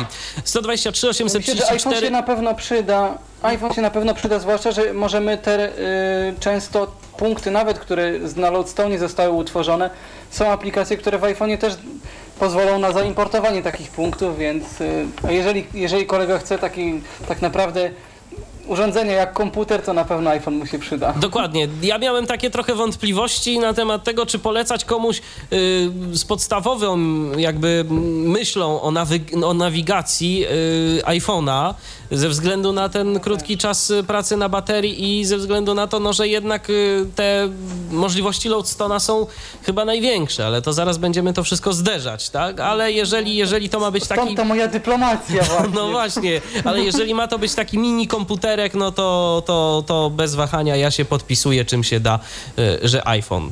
I trochę, trochę może z nas tu fanboystwo wychodzi, no ale no, no po prostu no, no, to jest dobry telefon i, i tyle. Ale 123... było, na start. Dokładnie. 123 834 835 to jest nasz numer telefonu. E, Można dzwonić także na Skype'a, jak zrobił to przed momentem chociażby Robert. E, tyflopodcast.net, piszemy tyflopodcast.net. Ja za każdym razem, jak odpalam naszego Skype'a przed audycją, to widzę, że kolejne osoby dodają e, nas do kontaktów, więc e, coraz więcej osób nas słucha i coraz więcej osób gdzieś tam chyba chce też do nas dzwonić. W trakcie audycji różnie to bywa, no ale wiadomo, że nie każdy jest w stanie się wstrzelić y, w to okienko czasowe między godziną mniej więcej 19 a 21 w poniedziałek. O właśnie, ktoś do nas dzwoni. Mm, Odbierzemy. Tym razem telefon. Halo, kogo witamy? Dobry wieczór, Paweł Podolski się kłania. A Byłabym witaj, Pawle. No, witaj, witaj. Paweł Podolski. Słuchamy cię, Pawle.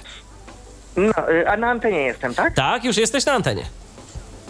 Yy, tak, ja bym chciał tutaj wspomnieć o kilku rozwiązaniach z Loadstona, o których jakby no nie powiedziano. To znaczy ja y, tłumacząc osobom takim y, początkującym, które mają pierwszy raz kontakt z nawigacją, proponuję, mm, no jeżeli już ktoś ma jakiś telefon symbianowy, nawet z wbudowanym odbiornikiem, no, który ma z reguły dokładność kiepską, yy, ustawić sobie jakby jako podstawowy taki odbiornik, żeby Loadstone się od razu próbował tam połączyć i znaleźć fixa. Czytać, nie wiem, domyślną bazę punktów dla, dla danego województwa albo powiedzmy, e, jeżeli jest baza punktów do komunikacji miejskiej w danym mieście, bo to jest taki jakby naj, najczęstszy powód, e, dla którego ktoś mimo wszystko korzysta z nawigacji, żeby wiedzieć na jakim przystanku się jest i, i, i tak dalej. To, to, to jest świetne narzędzie i lepszego nie znam. Yy, I właściwie do tak prostych zastosowań, czyli do sprawdzenia yy, swojej lokalizacji, no wcale nie trzeba jakichś jakich, jakich strasznych tutaj wyczyniać dużych rewolucji, żeby się dowiedzieć jakby własną pozycję. I myślę, że no każdy powinien chociaż spróbować, jeżeli ma telefon symbianowy, czym się to je i, i, i, zapoznać się. A potem można ewentualnie no, e, do, dosłuchać tutaj podcastów, dowiedzieć się więcej.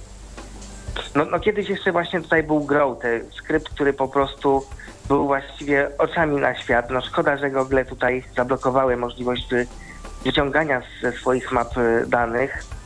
No bo dzięki temu skryptowi można było w bardzo łatwy sposób poznać, nie wiem, najbliższą okolicę, czy poznać, y, wyszukać sobie nawet y, jakąś usługę, zakład, firmę, nie wiem, cokolwiek, dom. Także, No także i wygenerować no, trasę taką, jaką w Google'ach można by wygenerować. No to też. No i, i chyba już się nie da z tym zrobić, żeby tą funkcjonalność w jakiś tam sposób przywrócić, bo nie ma jakichś innych map, które by były na tyle dostępne, żeby dało się te dane dla nas, myślę, jakoś wyciągnąć.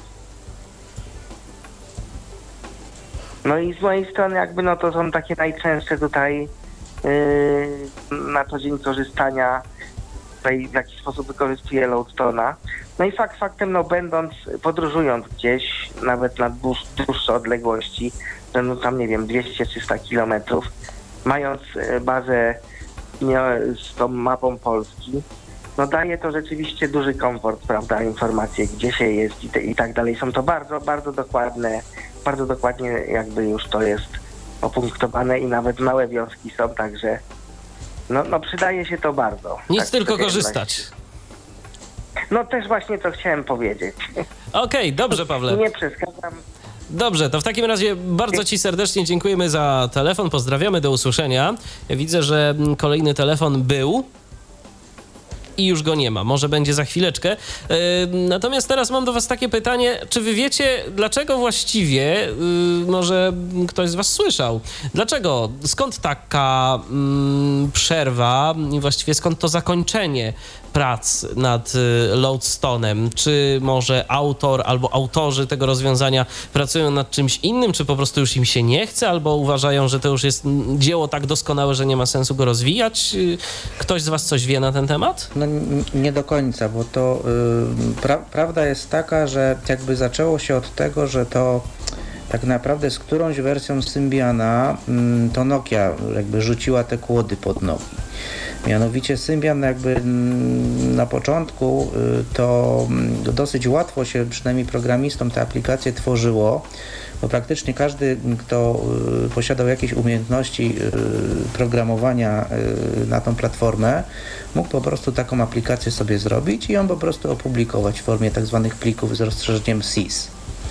Natomiast y, z tego względu, że mm, no, są również, nazwijmy to, mm, no, jak to się mówi wszędzie, źli ludzie, którzy mm, produkują programy no, powszechnie nazywane wirusami i w trosce o swoich użytkowników Nokia postanowiła wprowadzić taki mechanizm, że aplikacje, y, które się wypuszcza na system Symbian powinny być cyfrowo podpisane przez dewelopera.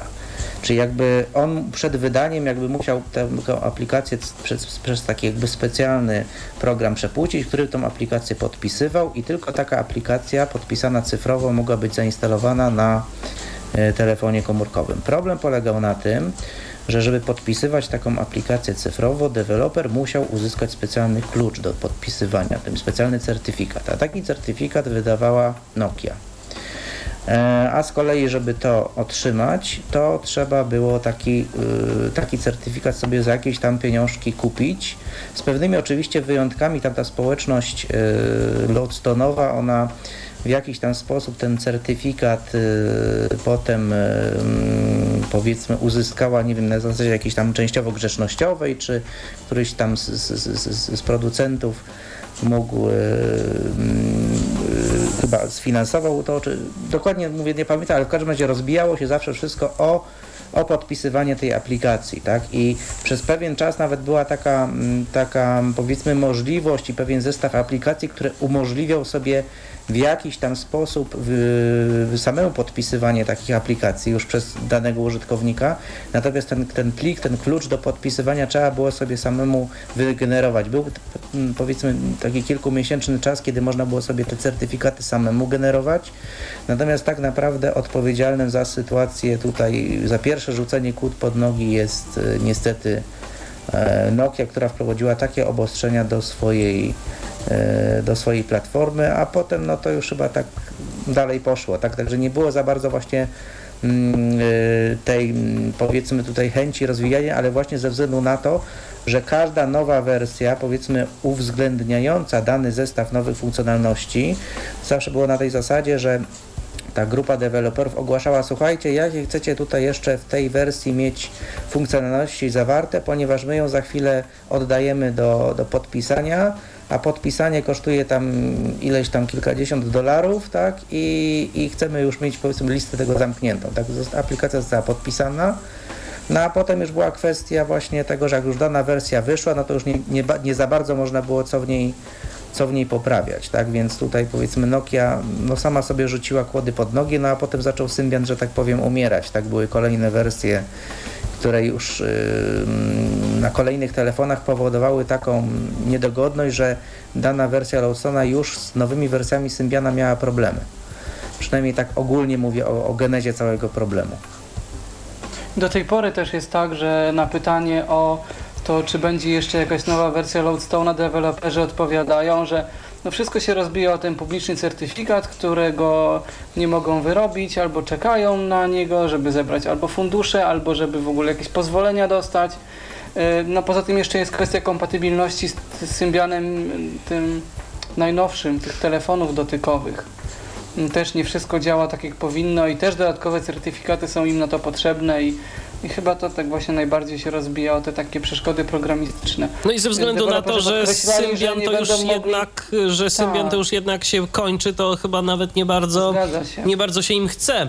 Ale czy wiecie znaczy, coś... Im się chce, tylko mówią, że na inne platformy to oni pisać nie potrafią, nie będą. Aha jeżeli ktoś, jeżeli ktoś ma ochotę napisać na inną platformę, przeportować to na Androida, iOS-a czy cokolwiek, no to proszę bardzo, tak, ale oni tego nie zrobią, bo oni tylko w Symbianie i to pod Linuxem kompilowane wszystko, więc oni jakby tego nie przeskoczą. No to jeżeli jakiś programista hmm, iOS-owy lub y, Androidowy nas słucha w tym momencie i by chciał, wspomóc niewidomych, a wiem, że nie tylko niewidomi nas słuchają, no, ale może jakiś nawet i niewidomy programista też nas słucha, ale jeżeli ktoś by chciał, no to, to, to, to można, można coś próbować, bo takie rozwiązanie jak Loadstone myślę, że byłoby przydatne.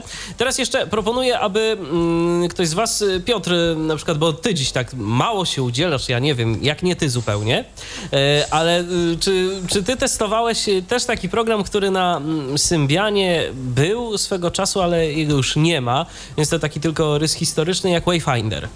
Korzystałeś z tego? Tak, tak. Posiadałem, testowałem i w Polsce, i za granicą, i za granicą działał lepiej nawet. Um, I muszę przyznać, że poniekąd sam nawiązałeś do tej aplikacji, mówiąc o osobach, które mogłyby wspierać ewentualnie rozwój Loadstona na innych platformach. Um, niestety z Wayfinderem um, miało być podobnie. E, czyli zacznę od końca, nawiązując jeszcze do Twojego wcześniejszej wypowiedzi.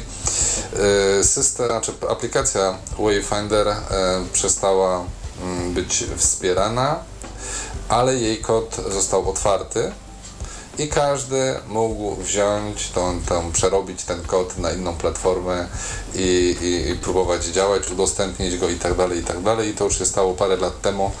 I niestety od tamtej pory niby jakieś prace nad tym trwały, ale projekt umarł i nie ma tego programu na innych platformach, a program był bardzo fajny, ponieważ e, był to program, który został jakby przerobiony z wersji samochodowej dla właśnie użytkowników niepełnosprawnych, dla osób e, niewidomych, dla pieszych użytkowników. I program ten prowadził, um, tak jak się to teraz ładnie mówi, zakręt po zakręcie, prowadził użytkownika wzdłuż ulic pod konkretny wskazany adres. Mógł też informować nas w trybie taksi o, o mijanych obiektach, um, mówił nam, gdzie się znajdujemy i tak dalej, i tak dalej. Na czas była to bardzo zaawansowana aplikacja, ale w przypadku Polski e, wszystko rozbijało się raz o cenę tej aplikacji, bo był czas, kiedy ona mm, osiągała cenę powyżej 2000 zł, um, a dwa e, pokrycie mm, w punktach e, naszego kraju. E, z tego co pamiętam, mm, największe pokrycie, jakie udało się osiągnąć, to było mm, niespełna 50%, 49% tam z małym haczykiem. I niestety te 49% to było takie PR-owe. 49%. Czyli to też były właśnie mapy, które były pobierane z różnych projektów samochodowych, czyli dotyczyły głównie jakichś też um, szos, e, autostrad to może zbyt duże słowo jak na polskie i tamte czasy, ale dróg szybkiego ruchu i tak dalej, i tak dalej, czyli ta mm, siatka połączeń drogowych miała rzeczywiście pokrycie mm, rzędu 100%, no ale niestety jeśli chodziło o miasta, to był ten problem. Pamiętam w Krakowie wybrałem się kiedyś e, według wskazań Wayfindera do pizzerii, a szedłem prosto z dworca. Także utachałem się bagaży z 2 km tylko po to, żeby się na miejscu przekonać, że e, tam już tej pizzerii nie ma. Te bazy po prostu były nieaktualne i naprawdę w Polsce sprawdzało się to bardzo średnio, ale w krajach typu Szwecja, Norwegia, Niemcy tam pokrycie było e, szczególnie to adresowe 100% i tam naprawdę mm, bardzo przyjemnie się z tego korzystało. Może tam po prostu dłużej ludzie potrafili utrzymać swój biznes? E, nie, myślę, że tam dlatego, że po prostu e, większe było pokrycie map e, samochodowych, a co do nawigacji samochodowej, tak? A co za tym idzie tak, że te dane adresowe, akurat Wayfinder miał jeszcze jeden ogromny minus, niestety tam e, dane adresowe przeliczane były mm, według e, długości powiedzmy ulicy, mówiąc obrazowo. Jeśli na odcinku od A do Z było 100 numerów, a odcinek miał kilometr, no to mm, po prostu co 10 metrów były e, ustawiane na tym odcinku numeracja domów, co zupełnie się nie sprawdza. Ja na przykład mieszkam przy ulicy, która dosłownie wije się jak wąż, e, ma ileś tam zakrętów i po prostu e, wskazanie mojego adresu wypadało ponad 300 metrów od od mojego faktycznego miejsca zamieszkania, także e, w przypadku danych adresowych Wayfinder działał kiepsko. Aplikacja była bardzo dobra, niestety firma w tym momencie nie pamiętam już jak się nazywała, która notabene później też dostarczała mapy mm, do Nokii jako jeden z podwykonawców do Nokia Maps. W każdym razie te mapy, które dostarczyli do, do Wayfindera były naprawdę bardzo kiepskie w Polsce, także ci, którzy kupili tą aplikację, jestem pewny, że za często jej nie używali, przynajmniej do prowadzenia pod wskazany adres. Myślę, że te mapy to mogły być albo Naftek, albo Teleatlas, ale też pewności Chyba nie mam. Naftek było. Chyba Naftek. Chyba naft, bardziej naftek, tak. Tylko właśnie jeszcze wydaje mi się, że problem był troszeczkę problem. Trochę topornie się dodawało własne punkty ulubione i zarządzało nimi w e, Wayfinderze. Tak z tego co E, pamiętam. Tak, ale wiesz, Raczej nie był tutaj do tego, problem- nie? On nie był do tego, bo właśnie taka była mm, głównie na on czas różnica między Loadstone'em a Wayfinderem, że w Loadstone szliśmy sobie na mm, azymut, czyli wstawialiśmy punkt, do którego, e, na który się kierowaliśmy, tak? E, Mówiąc obrazowo, mogliśmy iść przez e, łąki, pola, ale byśmy doszli do tego punktu, a Wayfinder prowadził nas dookoła, prowadził nas drogami, zakręt po zakręcie, ale pod wskazany adres, czyli jak gdyby tutaj argumentem, pamiętam, resellerów, e, sprzedawców Wayfindera w Polsce było to, że Wayfinder posiadał e, bazę adresową, ale niestety ta baza adresowa była no, podłej jakości, więc e, wszyscy, których znam, którzy kiedykolwiek mieli Wayfindera i tak e, szybko się z niego przesiadali na Loadstone'a, bo tam każdy sam mógł ręczyć za punkty, które sam stworzył, a nie był skazany właśnie na, na takie mm, po prostu puste adresy, tak jak ja w Krakowie kierując się do tej pizzerii. No właśnie, a skoro rozmawiamy jeszcze tak o mm, kwestiach symbianowych, to mm, jak oceniacie mapy Nokii? Czy w ogóle to rozwiązanie nadaje się do czegokolwiek? Bo pamiętam, że swego czasu coś można było z tym zrobić, ale później zaczęły być z tym y, dosyć spore problemy. Ktoś z Was zbawił się intensywniej mapami? No, z tego co pamiętam, to umożliwiała nawet Nokia Maps em, nawigację zakręt po zakręcie. Jedyny mankament jaki był i chyba nadal jest, to że nie ma polskiej, e, nie można w ten sposób wykorzystać e, przy pierwszej nawigacji polskiej mowy. Wiem, że niektórzy eksperymentowali z czeskim i tak dalej. Mm, ale to tyle, co mm, ja wiem, bo abstrahując od tego, że może prowadzić pieszo, to z tego, co pamiętam, przynajmniej TOX, e, z którego ja korzystałem, em, w tych najnowszych, może nie najnowszych, ale nowszych wersjach, bo jeszcze na Nokii e, N82 mm, mogę obsługiwać Nokia Maps przy pomocy TOX, ale już na nowszych Symbianach już tego nie byłem w stanie zrobić. Ja pamiętam jeszcze była na początku samym, zanim jeszcze weszło Nokia Maps, było coś takiego, co się nazywało Smart to Go. I to było rozwiązanie dosyć dostępne dla jeszcze ówczesnego Toxa, nawet na przykład na Nokii N73. To był tam rok, nie wiem, tam 2007 czy coś koło tego. E, I to ładnie działało. Potem ta pierwsza wersja Nokia Maps też jeszcze działała bardzo ładnie. No a później to już zaczęła się gonitwa między Nokia Maps a Toxem, który próbował z tym dalej działać, tak? Żeby, był, żeby to było bardziej dostępne. To No raczej więc- pogoń była Toxa za, za Symbianem. Tak, właściwie tak. No. Niż wyścig. I to tak naprawdę wszystkie rozwiązania takie y, z bardziej znaczących i chyba w ogóle z takich, o których gdzieś w Polsce wiadomo, do nawigacji za pomocą y, systemu Symbian, systemu, który... Jeszcze był POI Explorer tworzony na Politechnice Łódzkiej, e, ale to rozwiązanie tak dosyć powoli rozwijające się i chyba taki, który się nawet nie za bardzo przyjęło i nie miało jakiejś super funkcjonalności. Ale to jest w ogóle było- dalej rozwijane, czy, czy, czy, czy już nie? No, to znaczy, nawet na Androida zaczęli robić wersję, ale ostatnio jaką widziałem, taką betę, to było w grudniu. E, na, po- nie, na początku samym grudnia chyba, ale e, dosyć niestabilne. Nie na Symbiana, ani na Androida, więc mam, miejmy nadzieję, że może jeszcze coś z tego będzie, ale e, pamiętam, że jeszcze rok temu ogłaszali, że będzie e, na Androida, do tej pory jeszcze oficjalnie to nie wyszło, więc e, tak chyba po, czarno to widzę. Ja przypominam, że w dzisiejszej audycji wspólnie z e, Piotrem Witkiem, Przemkiem Rogalskim i Mikołajem Rotnickim rozmawiamy o nawigacji satelitarnej dla osób niewidomych. E, rozmawiamy przede wszystkim w ujęciu programowym. Jeżeli chcecie do nas zadzwonić, to możecie oczywiście 123 834 835 to jest nasz numer telefonu. E, tyflopodcast.net to jest nasz skype'owy login. To jest Tyflopodcast na żywo na antenie Tyflo Radia. Skoro w takim razie powiedzieliśmy sobie już o Symbianie, czyli o systemie, który przez no, kilka ładnych lat nam towarzyszył, w naszych telefonach, to teraz przejdźmy może do kolejnego systemu, który towarzyszy nam od krótszego czasu, ale no już pewne rozwiązania na y, iOS-a się pojawiają, jeżeli chodzi o nawigację.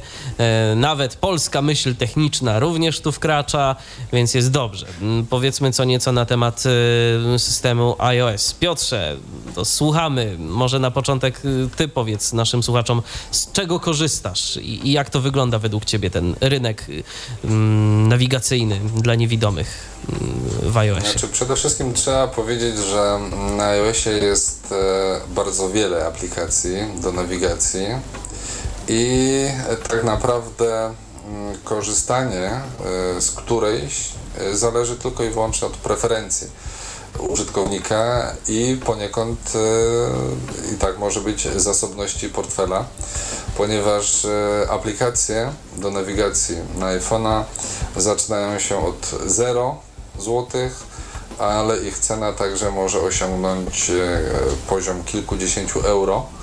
I tak naprawdę od tego, na czym nam zależy, od tego, na ile dokładnych rozwiązań szukamy, e, takie narzędzie możemy znaleźć.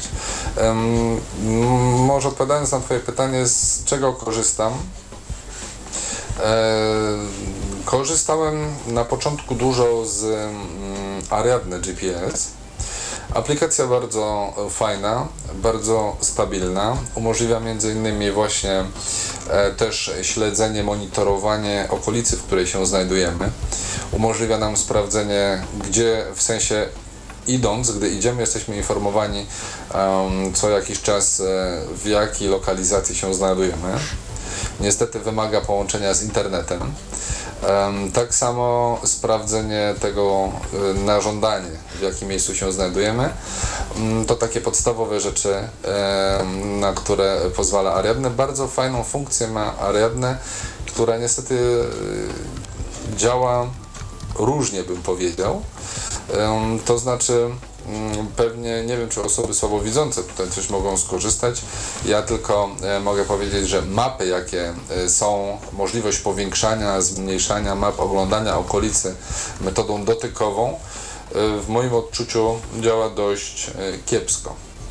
Ja tak może w telegraficznym skrócie będę mówił o, o, o tych kilku rozwiązaniach. Drugie rozwiązanie to oczywiście systemowe mm, mapy iOS, mapy od Apple. No tutaj oczywiście można e, mówić o ich dokładności i trochę w tym momencie mamy sytuację jak z Wayfinderem.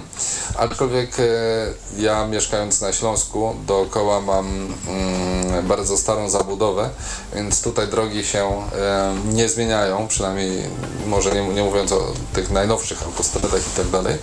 Czyli mm, cały układ mapy, jakieś dane adresowe i tak dalej działa. Także ta nawigacja mm, Apple'owska bardzo fajnie e, prowadzi. Przy jej pomocy też możemy sobie obejrzeć okolice, przebieg dróg i tak dalej, i tak. E, Ona jest e, darmowa, oczywiście, i też wymaga dostępu do internetu. Trzecia aplikacja, jakiej używam, to głównie najczęściej w sumie, to Move Assistant.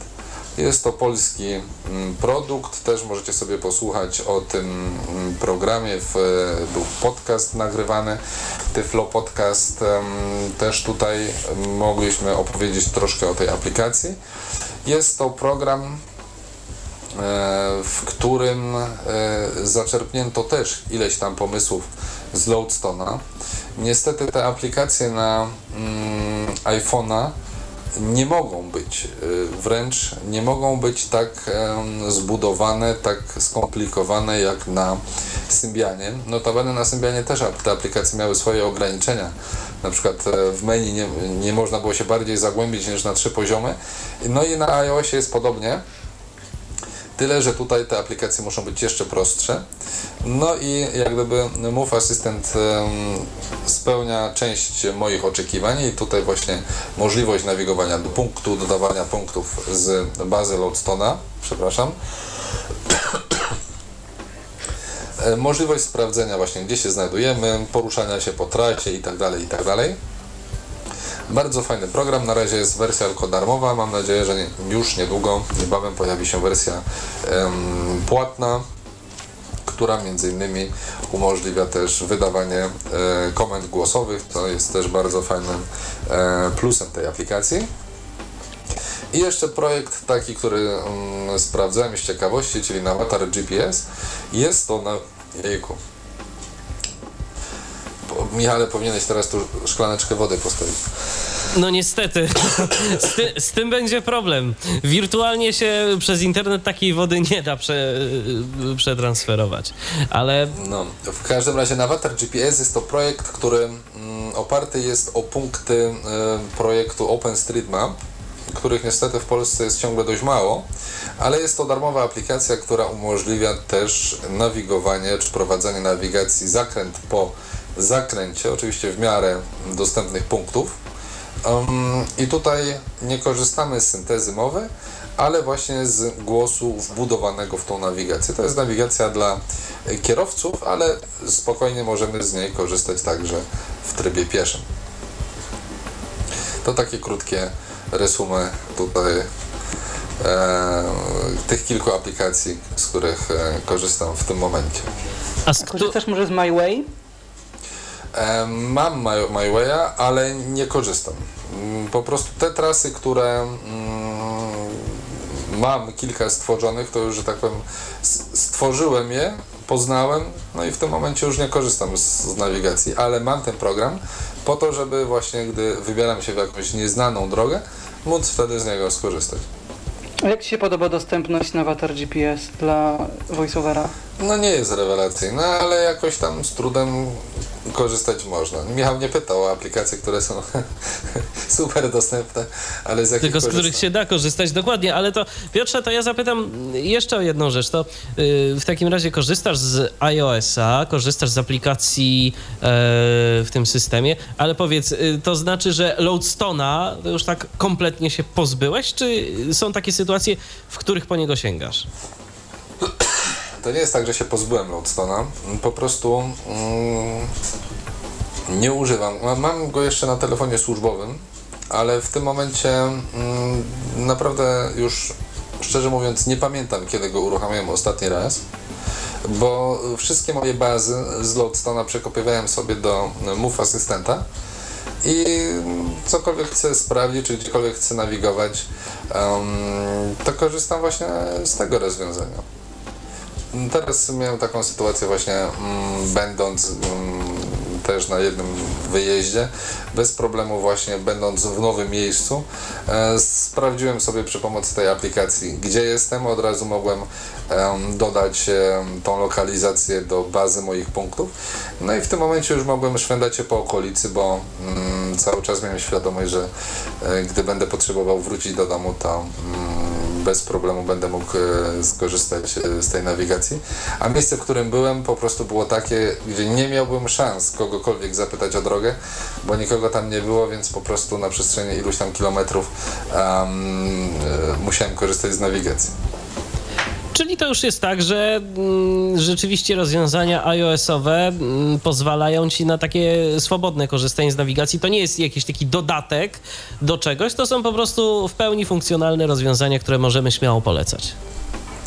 E, tak, ja to tak traktuję, ponieważ no, w tym momencie mm, nie wyobrażam sobie mm, funkcjonowania mojego bez e, smartfonu. Mm, To może z jednej strony jest jakieś e, uzależnienie, może nie, ale dla mnie smartfon w tym momencie jest takim narzędziem, em, no tak niezbędnym, że tak jak mówię, nie wyobrażam sobie funkcjonowania, a aplikacja do nawigacji, czy odbiornik GPS wbudowany w ten smartfon, no, stanowi jego integralną część, bo jeśli ja się gdzieś wybieram w podróż, to ja w każdym momencie mogę sprawdzić sobie na moim smartfonie um, rozkład jazdy autobusu, zaraz potem mogę sobie sprawdzić rozkład jazdy um, pociągów, czy nie wiem, no, w ekstremalnych sytuacjach y, samolotów, mogę sobie sprawdzić drogę, jak gdzieś dojść, mogę sobie sprawdzić, um, co znajduje się w okolicy, jakie bankomaty, restauracje itd., tak itd. Tak Więc tak naprawdę uważam, że na przestrzeni ostatniej dekady smartfon jako taki, już nie wchodząc w szczegóły, czy systemy operacyjne producentów i tak dalej, ale uważam, że smartfon stał się mm, najlepszym sprzętem rehabilitacyjnym dla osób przynajmniej z dysfunkcją wzroku. Mikołaju, a z Twojej perspektywy jak to wygląda? Bo Ty wiem, że też otoczony sprzętem Apple'a jesteś, korzystasz z różnego rodzaju rozwiązań. Yy, korzystasz jeszcze z Loadstona, czy też się już tylko na nadgryziony system przerzuciłeś, jeżeli chodzi o no, GPS? Niestety, niestety, podobnie jak, podobnie jak Piotr, ja się przestawiłem na, na iPhone'a i tak naprawdę y, przestałem korzystać, jak, jak, gdy przestałem właściwie korzystać z, z mojej Nokii, y, to przestałem też skorzystać z Loadstona, natomiast trochę podobnie jak, jak, jak Piotr, te, te bazy, które gdzieś tam się gdzieś przewijają, tak, ja y, też y, z nich korzystam właśnie między innymi w tym darmowym programie Move Assistant, ale ja też jeszcze zaznaczę taką rzecz, ponieważ ja, ja jeszcze cokolwiek widzę, także e, ja z, z nawigacji korzystam bardziej w taki sposób, jako upewnienie się, gdzie jestem, tak? Bo ja powiedzmy, jadąc w jakieś nie, nieznane mi miejsce, e, no widzę powiedzmy, że są jakieś budynki, jakieś e, powiedzmy skrzyżowania, jakaś ulica, głównie właśnie w takich nieznanych mi miejscach, w których jadę pierwszy raz to właśnie y, w takich sytuacjach mi się przydaje, mm, mi się przydaje y, nawigacja satelitarna, kiedy ja chcę sobie dosprawdzić, że tak powiem, czy ja na pewno jestem pod tym adresem, pod którym y, być powinienem, albo w, powiedzmy właśnie tej mm, sytuacji, w której, od której właściwie zaczęliśmy, czyli komunikacja miejska, a w szczególności również w ogóle transport, tak? Nie mówię już tutaj o, o pociągach, tak? Gdzie no, poza powiedzmy pewnymi e, liniami Intercity, gdzie nam tam pan konduktor czasami e, zapowiada, że zbliżamy się do takiej czy innej stacji, to tak na, jeżeli chodzi o powiedzmy połączenia jakieś tam lokalne czy, czy, czy przewozów regionalnych, no tutaj żadnych szans na y, informacje, gdzie dokładnie jesteśmy, poza ewentualnie współpasażerami liczyć nie możemy. Dlatego w tych sytuacjach idealnie sprawdza mi się tutaj yy, nawigacja satelitarna, zarówno wtedy jeszcze na, na, na yy, Noki, czyli Lodestone, jak i teraz na, yy, na systemie, systemie iOS. Z pewnego punktu widzenia, wszystko zależy od tego tak naprawdę do czego to mi jest potrzebne. Ja sobie kontrolnie czasami też jeszcze wykorzystuję te wbudowane mapy, które są wbudowane po prostu w, w telefon e, iPhone. I taka jedna ciekawostka jeszcze a propos, tych, a propos tych map. To są chyba de facto pierwsze mapy mm, pośród wszystkich rozwiązań, y, które de facto można dotknąć i można y, po prostu na przykład dotknąć ulicy, która jest zaznaczona na mapie i, i ta aplikacja nam powie, co to jest, co to, co to jest za ulica, tak? W przeciwieństwie do do map Google, które do lipca zeszłego roku były, były mapami, jakby to można powiedzieć, tak, y, takie fajne systemowymi. natywne, czyli systemowymi y, w iPhone'ie, których y, no, dotykanie właściwie yy, kończyło się pra praktycznie no, niczym, tak? Nie, nie można Ale było tam... Ariadne miało wcześniej tą, tak. tą, funkcję. Natomiast Ariadne miało tą funkcję jako, jako, jako zewnętrzna aplikacja i w jakiś sposób tam to wykorzystująca. Natomiast tutaj te aplikacje są, są y, aplikacja map y, Apple'owych są po prostu wyposażone to w standardzie, ale to właśnie ze względu na to, że wykorzystują tak zwane mapy wektorowe, czyli tak naprawdę mapa jest fizycznie rysowana na urządzeniu i przez urządzenie, natomiast urządzenie dostaje zewnętrznie tylko informację o tym, jak to ma wyrysować. A aplikacje googlowskie zasadniczo, chociaż też się powoli z tego co słyszałem yy, i śledzę z tych informacji googlowskich zmienia, mianowicie zasadniczo aplikacje googlowskie bazują po prostu na połączonych ze sobą obrazkach, tak, które z perspektywy screenreadera są po prostu niedostępne. Natomiast jako użytkownik no, Loadstone'a bardzo taki zafascynowany byłem i nadal jestem mm, pojawieniem się w zeszłym roku, na początku zeszłego roku aplikacji MyWay. E, MyWay GPS stworzone przez e, Szwajcarski Związek Niewidomych. E, do pewnego stopnia aplikacja, która jakby zbierała przynajmniej pewną część dobroci pochodzących z Loadstone'a, czyli pewną filozofię, czyli poruszania się po punktach, tworzenia z tych punktów tras i poruszania się po trasach. Natomiast aplikacja mm, zrobiona w pewnym sensie, jak ja bym to powiedział, typowo po aplowsku, to znaczy y, jako aplikacja bardzo prosta, tak, y, dla użytkownika, który y, po prostu nie chce się na samym początku wgryzać w jakieś trudne tutaj aspekty mm, poznawania mm, filozofii działania, tak jak to trzeba było zrobić z, z Loadstone'em na Nokii. Tutaj y, poprzez no, proste gesty, nawet począśnięcie telefonem możemy po prostu czy rozpocząć i zakończyć y, rejestrowanie trasy, tak? I sobie jakoś tam, i dodawanie punktów, tak? I powiedzmy pe, pewnego rodzaju filozofia została tutaj przyjęta jakby stworzenia aplikacji takiej no bardzo, bardzo y, prostej w obsłudze. Natomiast mówię, minusem na razie tego MyWay'a jest jeszcze mm, to, że nie jest aplikacją po polsku e, i mm, tak troszeczkę powiedzmy z mojej perspektywy po tym roku widzę, że ona się mm, troszeczkę niemrawo y, rozwija, ponieważ y, ostatnia aktualizacja była dosłownie chyba kilka tygodni temu, czyli w sumie po roku. I ona chyba za dużo, z tego co pamiętam, nowości nie, nie wprowadziła.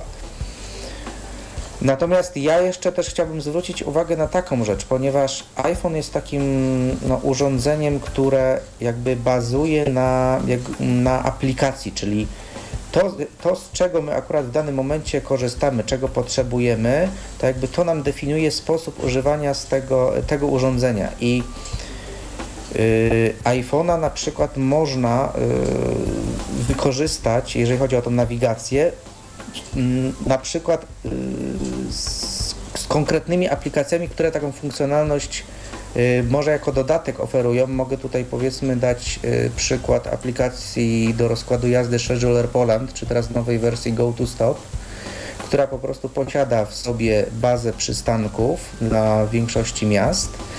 I autor tej aplikacji wprowadził stosunkowo niedawno ciekawą funkcję anonsowania y, przystanku, tak? czyli możemy sobie ustawić y, dla danego przystanku alarm i y, telefon możemy sobie ustawić w, w tryb y, już uśpienia i jeżeli będziemy się mm, zbliżać do danego przystanku, to w promieniu takim jak ustawimy w ustawieniach możemy otrzymać komunikat, że zbliżamy się do tego czy innego przystanku. I tutaj nie musimy dbać o jakieś powiedzmy bazy wcześniej wgrywane, to jest po prostu funkcjonalność tej aplikacji z tym rozkładem jazdy.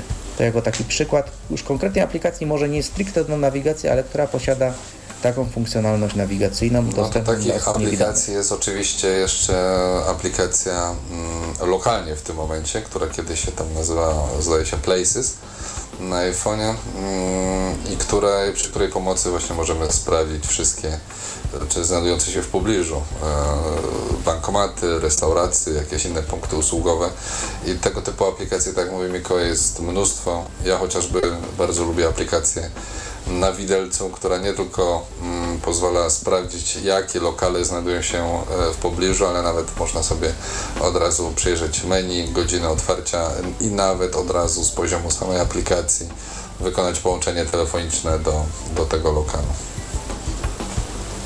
No to rzeczywiście bardzo przydatne mm, aplikacje i okazuje się, że ten GPS, ten mm, odbiornik może być wykorzystywany naprawdę mm, na różne możliwości, byleby tylko system po prostu odpowiednie narzędzia udostępniał, a reszta no to już y, jest y, kwestia łańskiej fantazji y, twórców i łańskiej fantazji programistów. Mamy kolejny telefon, tym razem Paweł się do nas dodzwonił. Witaj Pawle.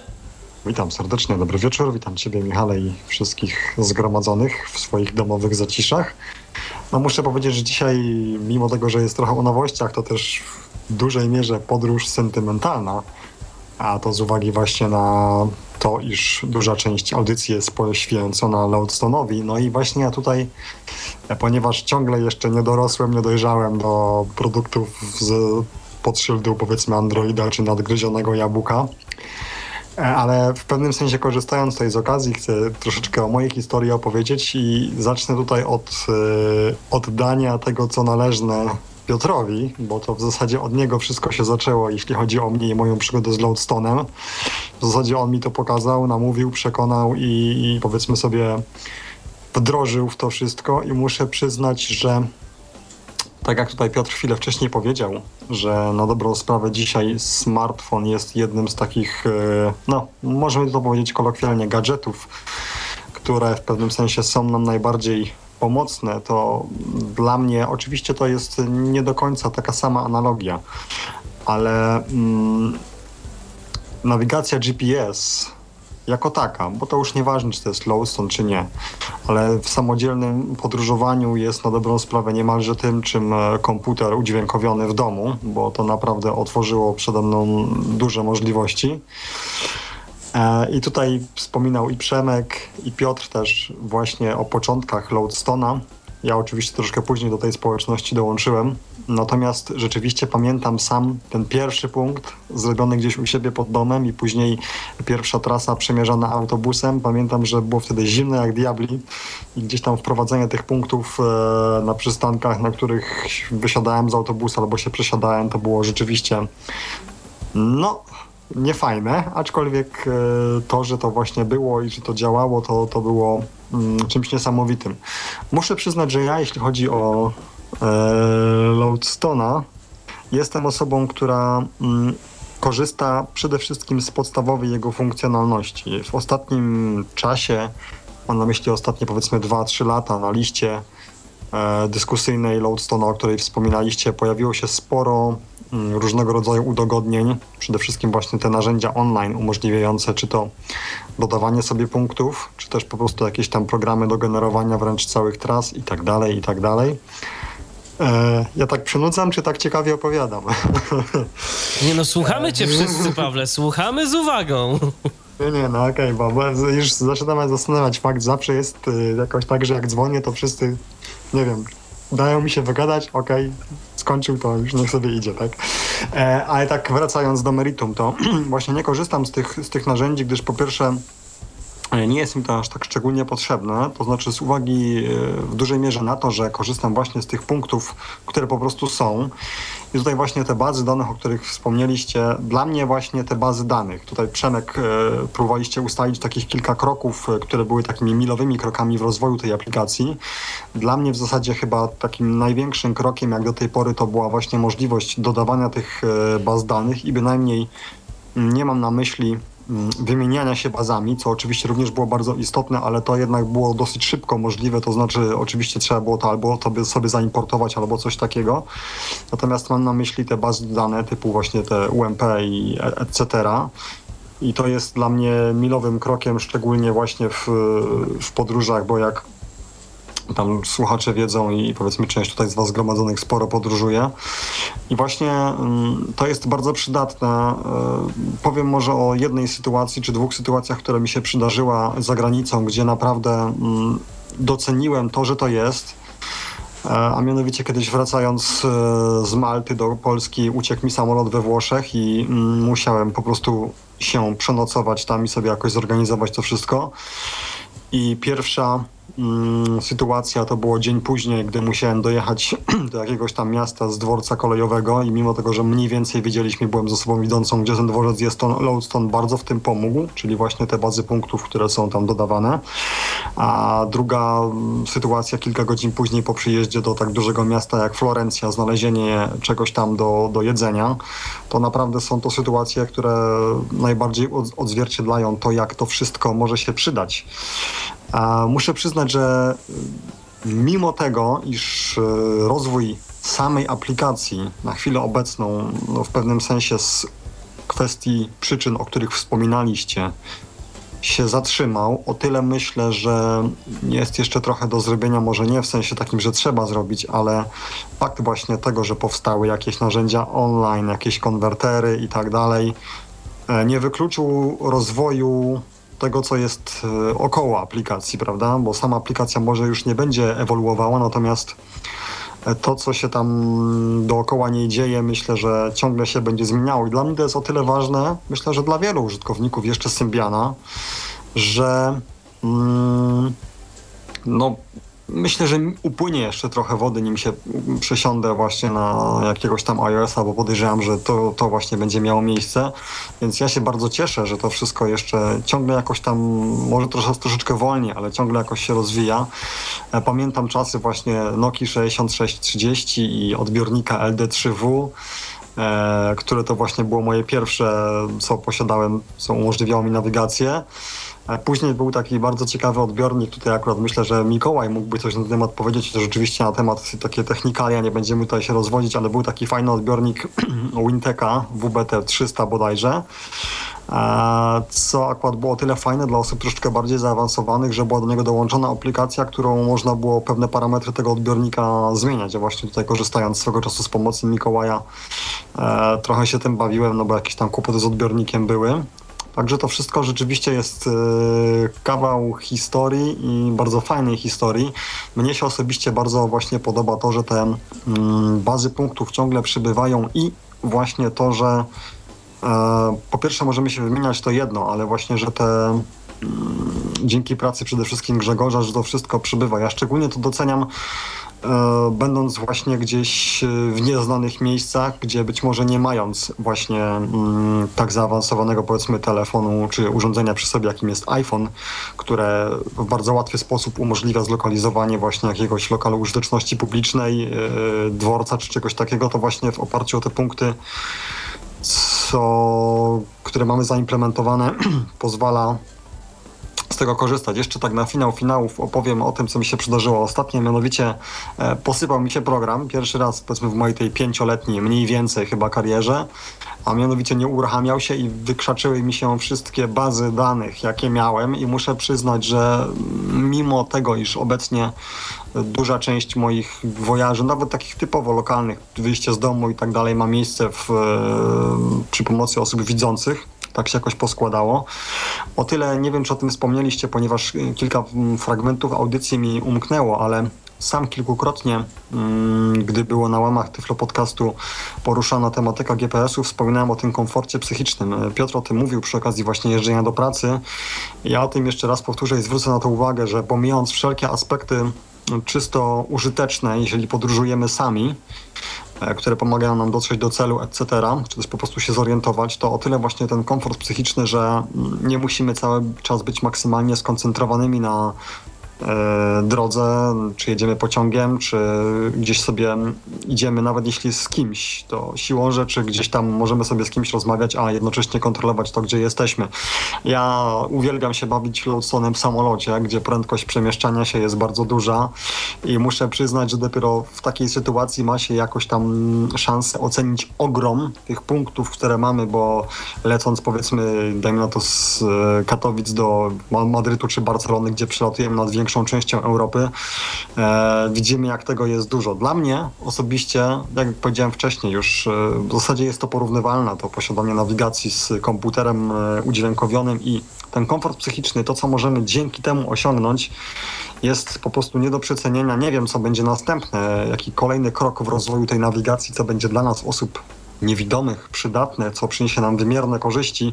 Podejrzewam, że rozwój y, wszystkiego tego około iOS-owego, że tak powiem, y, na pewno coś tam jeszcze przyniesie ale no, w ostatniej dekadzie, jak Piotr wspomniał, myślę, że akurat nawigacja była takim milowym krokiem, która pozwoliła nam się i usamodzielnić i uniezależnić od e, pomocy innych, która nie zawsze jest możliwa, no i po prostu mm, odczuć to, że e, no, z coraz większą ilością jesteśmy z takich kwestii związanych z samodzielnym poruszaniem się dać, dać sobie radę. Dziękuję za uwagę, która była bardzo wytężona. Pozdrawiam serdecznie wszystkich. Słuchaliśmy Cię, Pawle, naprawdę z uwagą. Dziękujemy bardzo za telefon. No i czekamy oczywiście na kolejne 123 834 835 oraz nasz radiowy Skype o loginie tyflopodcast.net. Dziś przypominam, że rozmawiamy o rozwiązaniach GPS, y, rozwiązaniach nawigacji satelitarnej dla osób niewidomych przede wszystkim o rozwiązaniach programowych, bo wiadomo, że odbiornik to nie wszystko, jeszcze musi być coś, co nam te współrzędne przetworzy na mm, sygnały dla nas dostępne i wygodne w obsłudze. E, natomiast ja mam pytanie do Przemka i do Piotra przede wszystkim, bo Mikołaj powiedział, że korzysta od czasu do czasu z map Apple'a, z map iOS-owych. Czy wy z tego korzystacie? Czy dla was jest to przydatne? Ja szczerze mówiąc, y, troszeczkę próbowałem sobie z tego korzystać, ale jakoś do tych map w najnowszej wersji systemu iOS wbudowanej jakoś nie mogłem się przekonać. E, nie dawała mi takiej funkcjonalności, czy takiej no szybkości obsługi, takiej ilości informacji, jakiej potrzebowałem. No i tutaj jeszcze, póki żeby tak nie uciekło, jeszcze raz a propos, chwilka dygresja a propos poprzedniego tutaj wątku poruszonego e, przez Pawła. Mianowicie no, podziękowania dla Grześka Złotowicza za ten krok milowy, który sprawił, że już teraz nie trzeba godzinami importować punktów e, z, do Loadstone'a, tylko po prostu wgrywamy gotowe mapy po, dla Polski czy, czy jakiejś zagranicznej możemy korzystać do tego stopnia, że no, nieraz mi się zdarzyło z osobą widzącą, mimo tego, że nie miałem takich akurat przy sobie map, właśnie jak tych w iOSie, które by pokazały trasę, e, a tylko miałem Loadstone'a, mogłem nawet z osobą widzącą gdzieś trafić. E, mówiłem mi po prostu w którym kierunku i, i jak daleko znajduje się dany punkt i mogliśmy sobie tam spokojnie dojść e, i nawet czasami zdarzało się, że samochodem udało się podjechać w jakieś określone miejsce i wiedzieć, że jedziemy dobrze, tak? Natomiast no, z takich map typowo to nie korzystam raczej mimo tego, że y, posiadam iPhone'a, to wolę się posiłkować y, takimi rozwiązaniami jak y, Ariadna. Najbardziej korzystam z Ariadny GPS, bo ona ma tą swoją funkcję mapy, takiej eksploracji. Swoją drogą taka ciekawostka, jeżeli trafimy na takiej mapie na przykład na morze, ocean czy rzekę, to usłyszymy dźwięk taki płynącej wody. Tak samo do jakichś tam autostrad yy, czy dłuższych dróg te, też słyszymy takie charakterystyczne dźwięki. No ale yy, wolę jednak używać takich rozwiązań, które, które bardziej bazują chyba na punktach, na przykład na takich, gdzie jak w Loadstone, gdzie mogę od dowolnego punktu sobie sprawdzić, co znajduje się w pobliżu, gdzie mogę sobie wczytać określoną ilość yy, baz i podzielić się Y, czy wysłać sobie tak albo komuś na przykład lokalizację czy punkty. Tak. Mhm. Piotrze, a w swoim przypadku jak Ci się podobają ja mapy? Przede wszystkim, ja przede wszystkim tak, parę razy korzystałem. Mm, korzystałem też e, z kierowcą e, na takiej zasadzie właśnie, gdy mm, wracałem do domu skądś tam skądś i musiałem e, pokazać drogę. Mój kierowca był jeszcze wtedy e, słabo zorientowany w okolicy. No to e, tak, przy czym kierowca sam jest fanboyem Apple i zakładał błąd map o których czytał y, sporo informacji, tak, że aplikacja pokazuje błędnie i pojechał według znaków, gdzie okazało się, że jednak aplikacja miała rację i trzeba było jechać w inną stronę, więc jak gdyby tutaj weryfikowaliśmy właśnie mm, w praktyce dokładność y, tych map. W każdym razie mm, działa to, to nie jest zbyt wygodne do korzystania, bo jednak też cały czas ekran musi być y, aktywny, żeby sprawdzać e, nie odblokowany, ale aktywny, tak? Mm, Ta różnica. Czyli też jest zużycie energii mm, dość spore i tak dalej, i tak dalej.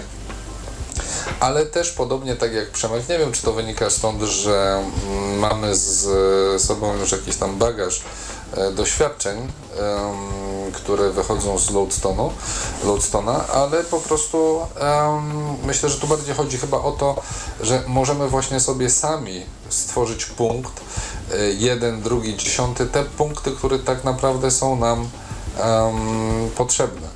Bo ja tak naprawdę myślę, że mm, nikt nie będzie korzystał z nawigacji w taki sposób, żeby cały czas być bombardowanym, e, bombardowany przez komunikaty, nie wiem, co 5, co 10 metrów, bo to jest mm, w sensie nawigowanie do punktów co 5, co 10 metrów, bo to jest zupełnie bez sensu, ale właśnie takie nawigowanie do punktu, czy no w przypadku no, iOS-a, no to w tym wypadku możemy mieć tą nawigację zakręt po zakręcie, jakoś to mm, tam działa, ale tak mówię, no mimo wszystko wolę też mieć jakąś bazę własnoręcznie stworzonych punktów, do których właśnie mogę się e, kierować na Azeut. Mamy kolejny telefon i dodzwonił się do nas człowiek kilkukrotnie już wywoływany w dzisiejszej audycji, czyli Grzesiek Złotowicz. Witamy cię serdecznie. A tak, dobry wieczór, dobry wieczór, witam również. Y, Temat mnie zainspirował do tego, żeby pierwszy raz y, się przyznam usiąść i na żywo posłuchać waszej audycji. Tak to zazwyczaj pobierałem już po czasie, czyli po prostu tą nagrywkę gotową ze strony gdzieś tam, żeby sobie w dogodnym czasie odsłuchać. Y, Mam takie pytanie, y, bo tu Mikołaj wspomniał o tych y, mapach, które dotykowo można sobie jakoś tam oglądać na ekranie urządzenia. I czy to jest, y, że tak powiem, y, w pełni udźwiękowione, to jest jedna kwestia. A drugie moje pytanie, czy podpytanie, y, jaki y, teren jest w stanie objąć taki niewielki ekranik telefonu?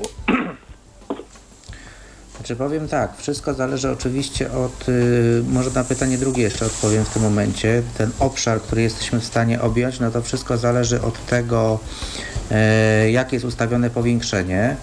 Na pewno jak uruchomimy voiceovera, y, to pojawia się nam y, w tak zwanym pokrętle opcja zoom i można sobie mm, to powiększenie regulować.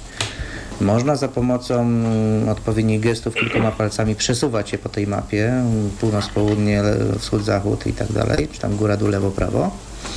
Natomiast e, mm, z tym, na jakim jesteśmy powiększeniu, oczywiście wiąże się, wiąże się no, ta ilość informacji, która jest w danym momencie dostępna, tak? Jeżeli Znaczy jesteśmy tak, ale chodzi mi o to, czy, bez, czy bezwzrokowo można, że tak powiem, zorientować się, jak co względem czego przebiega y, w terenie, bo to E, jest jakby...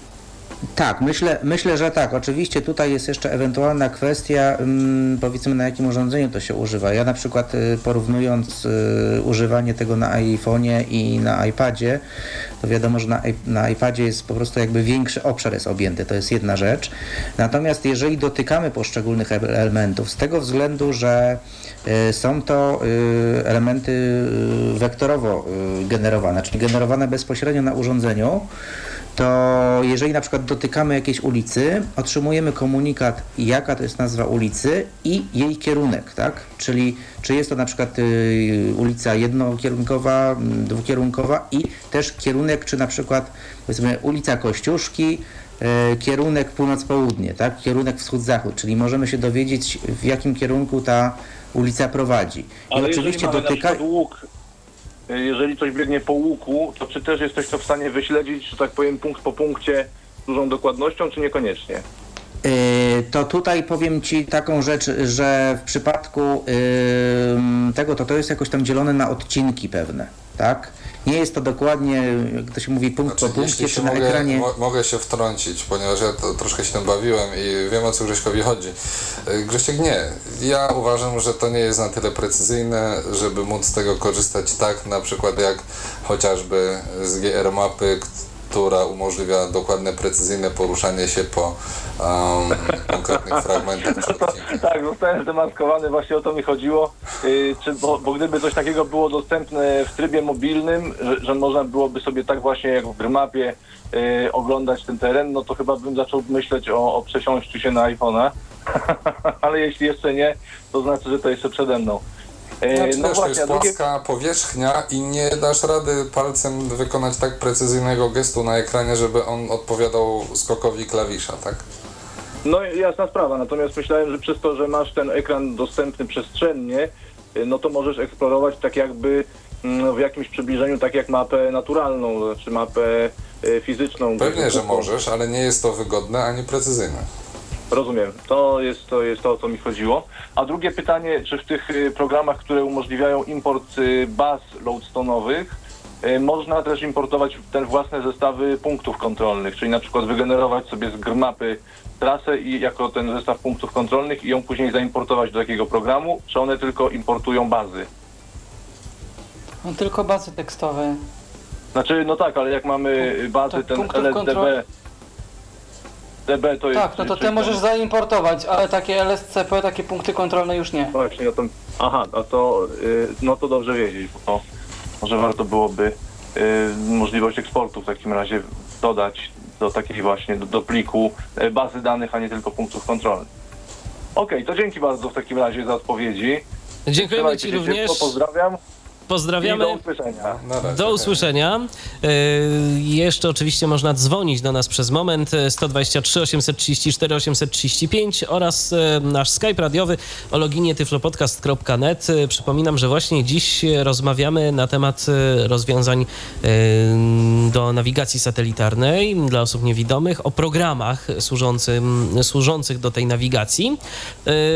Myślę, że teraz jeszcze na koniec naszej dzisiejszej audycji warto wspomnieć o Androidzie. O systemie, który no, jako kolejny jest systemem dostępnym dla osób y, niewidomych, który no, może jeszcze nie tak bardzo jak iOS, chociaż zdania są różne. No, są osoby, które z Androida korzystają i go sobie chwalą. Są tacy, co, mm, co sobie go nie chwalą. Ja powiem szczerze, ja miałem ostatnio okazję sobie porównać Androida z iOS-em i to też jest w ogóle ciekawa rzecz. Y, Doszedłem tak, tak tylko nawiasem powiem, że doszedłem do takich pewnych wniosków, na które chyba nikt nie zwrócił uwagi. Y, Mianowicie po prostu te gesty mm, w Androidzie są jak dla mnie w porównaniu do iOS-a mm, takie bardzo, bardzo toporne, bardzo trzeba wykonywać bardzo mocne te gesty, y, żeby się przemieszczać z jednego do drugiego obszaru, mm, z jednego elementu do drugiego elementu, ale o tym to może sobie kiedyś powiemy nieco szerzej, bo, bo to też jest dosyć ciekawe, jak y, jakby te systemy próbować zderzyć. Kiedyś spróbowaliśmy zderzyć iOS-a z Symbianem, to może kiedyś przyjdzie pora na zderzenie iOS-a z Androidem. Natomiast y, Przemku, ty z tego co wiem najwięcej testowałeś, najwięcej mm, miałeś do czynienia z nas tu wszystkich zgromadzonych z systemem Android i jakbyś ty to skomentował, jak wygląda ten rynek aplikacji do nawigacji dla niewidomych pod tym systemem? No oczywiście w Google Play, tak samo jak, dla, jak w App Store, jest dostępnych dużo aplikacji nawigacyjnych, e, ale nie zauważyłem jak dotąd poza po prostu mapami od Google e, takiego rozwiązania, które, które byłoby na tyle kompleksowe e, i tak rozbudowane, jak na przykład właśnie dla iOS-a jest Ariadna GPS, czy, czy nawet Move Assistant. Raczej są aplikacje, które wykonują małe funkcje, i żeby wszystkie razem zebrać, trzeba po prostu kilka, kilka aplikacji sobie uruchomić i wtedy mieć jakiś tam szerszy, taki nawiga- szy- szerszy nawigacyjny ogląd. Na przykład jest ta aplikacja taka dosyć popularna, ona się nazywa Walkie Talkie, albo się Walky-Talky. E, Ona służy do tego, żeby można było, e, wpisuje się adres e, i otrzymujemy po prostu wskazówki nawigacyjne e, z Google, właśnie generujące trasę od bieżącej naszej lokalizacji do, do tego adresu, który wpisaliśmy. E, Są te aplikacje wspomniane już, e, ten Talking Places i Talking Location, e, które właśnie też pozwalają sprawdzić, e, gdzie jesteśmy albo co jest w pobliżu. Jest taka aplikacja na starszego Androida do e, sprawdzania też pobliskich skrzyżowań, to się nazywało Intersection Explorer. E, No także mówię, e, jest troszeczkę tych aplikacji, ale to w zależności od tego, czego konkretnie potrzebujemy i to dosyć precyzyjnie, no to musimy sobie e, takich aplikacji wyszukać. Teraz powstaje w Stanach jakaś płatna aplikacja za około 100 dolarów e, Nearby Explorer, taka też baz- bazująca na nawigacji zakręt po zakręcie. No ale u nas jej jeszcze nie ma i nie wiadomo jak to dokładnie będzie wyglądało z jej e, funkcjonalnością, bo dostępna do TalkBacka będzie na pewno. Y, Czyli tak, y, mm, skorzystając z Androida y, możemy liczyć na jakieś takie rozwiązanie mm, podobne do iPhone'a? Chyba jeszcze nie bardzo, mm, jeżeli Aż tak nie, o... wiadomo, takie podstawowe rzeczy możemy, możemy zrobić, tak? Możemy sobie, możemy własne punkty sobie potworzyć jakoś, czy tam mieć do nich nawigację, możemy Możemy sobie sprawdzić, gdzie jesteśmy, możemy sprawdzić, co jest dookoła, możemy wysłać swoją lokalizację nawet SMS-em albo w formie linku Google Maps, żeby ktoś wiedział, gdzie to dokładnie jest. A właśnie, a jak z teren. mapami Google'a? Y, Jest jakaś aplikacja taka typowo y, korzystająca z map Google'a, mm, takie jak mamy na przykład w iOSie mapy Apple'a, y, to na Androida są takie googlowskie mapy, jak z dostępnością? Są natywnie wbudowane w system i są dostępne. Z tego co mm, patrzyłem na, na trasach i samochodowej, czy nawet, nawet pieszych, tylko że na pieszych to właśnie posiłkowałem się tym, tym walkie-talkie, bo mi podawało od razu wszystkie instrukcje bez konieczności tam miziania po ekranie. E, Natomiast e, podobała mi się dostępność aplikacji tych googlowskich map.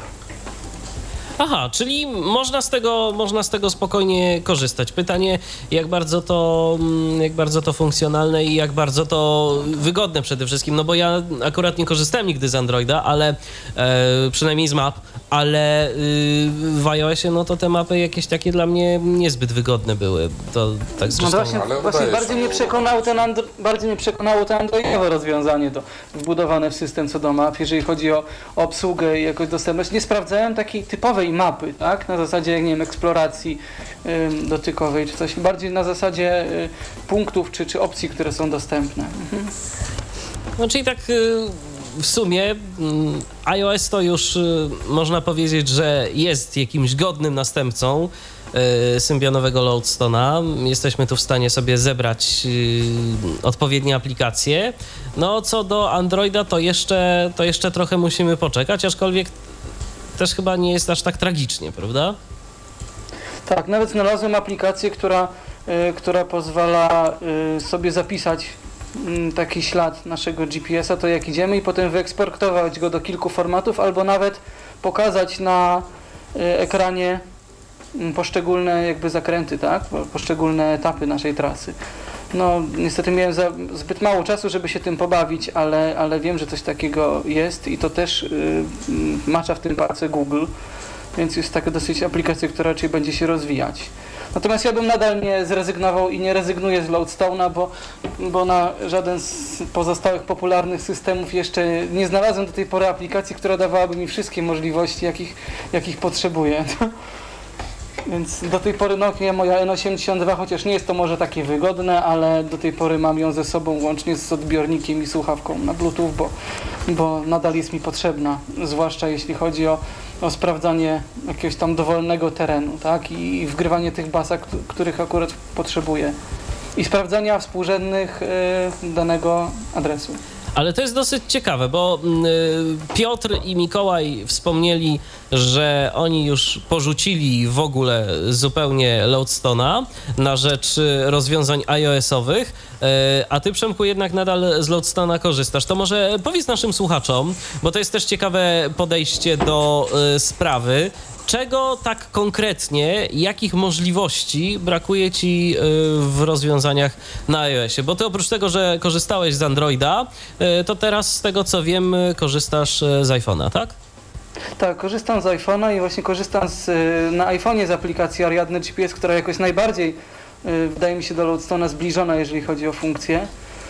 E, A czego mi brakuje? No właśnie najbardziej mi brakuje w iOSie, no i w Androidzie też, właśnie tych funkcji, o których już wspominałem, czyli możliwości sprawdzenia okolicy nie tylko mojej bieżącej lokalizacji, ale dowolnego punktu, tak żebym mógł na przykład sobie zobaczyć i, odniesienia tego punktu do, do najbliższego, do najbliższej lokalizacji z dowolnej mojej bazy, tak?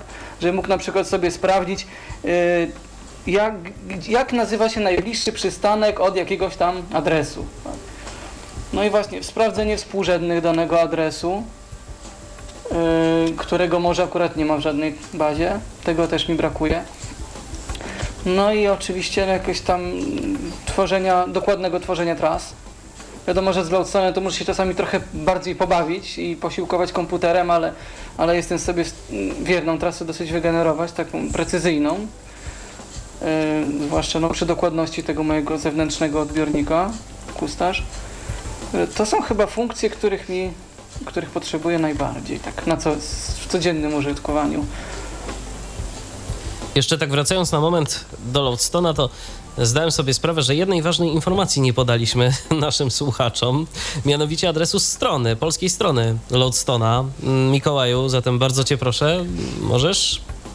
Więc to jest strona www.loadstone-gps.pl I tam... I tam y, są podstawowe w ogóle informacje na ten temat, są namiary na serwer FTP, i namiary na naszą społeczność, czyli grupę użytkowników i jak się na nią zapisać, żeby ewentualnie zadawać jakieś pytania.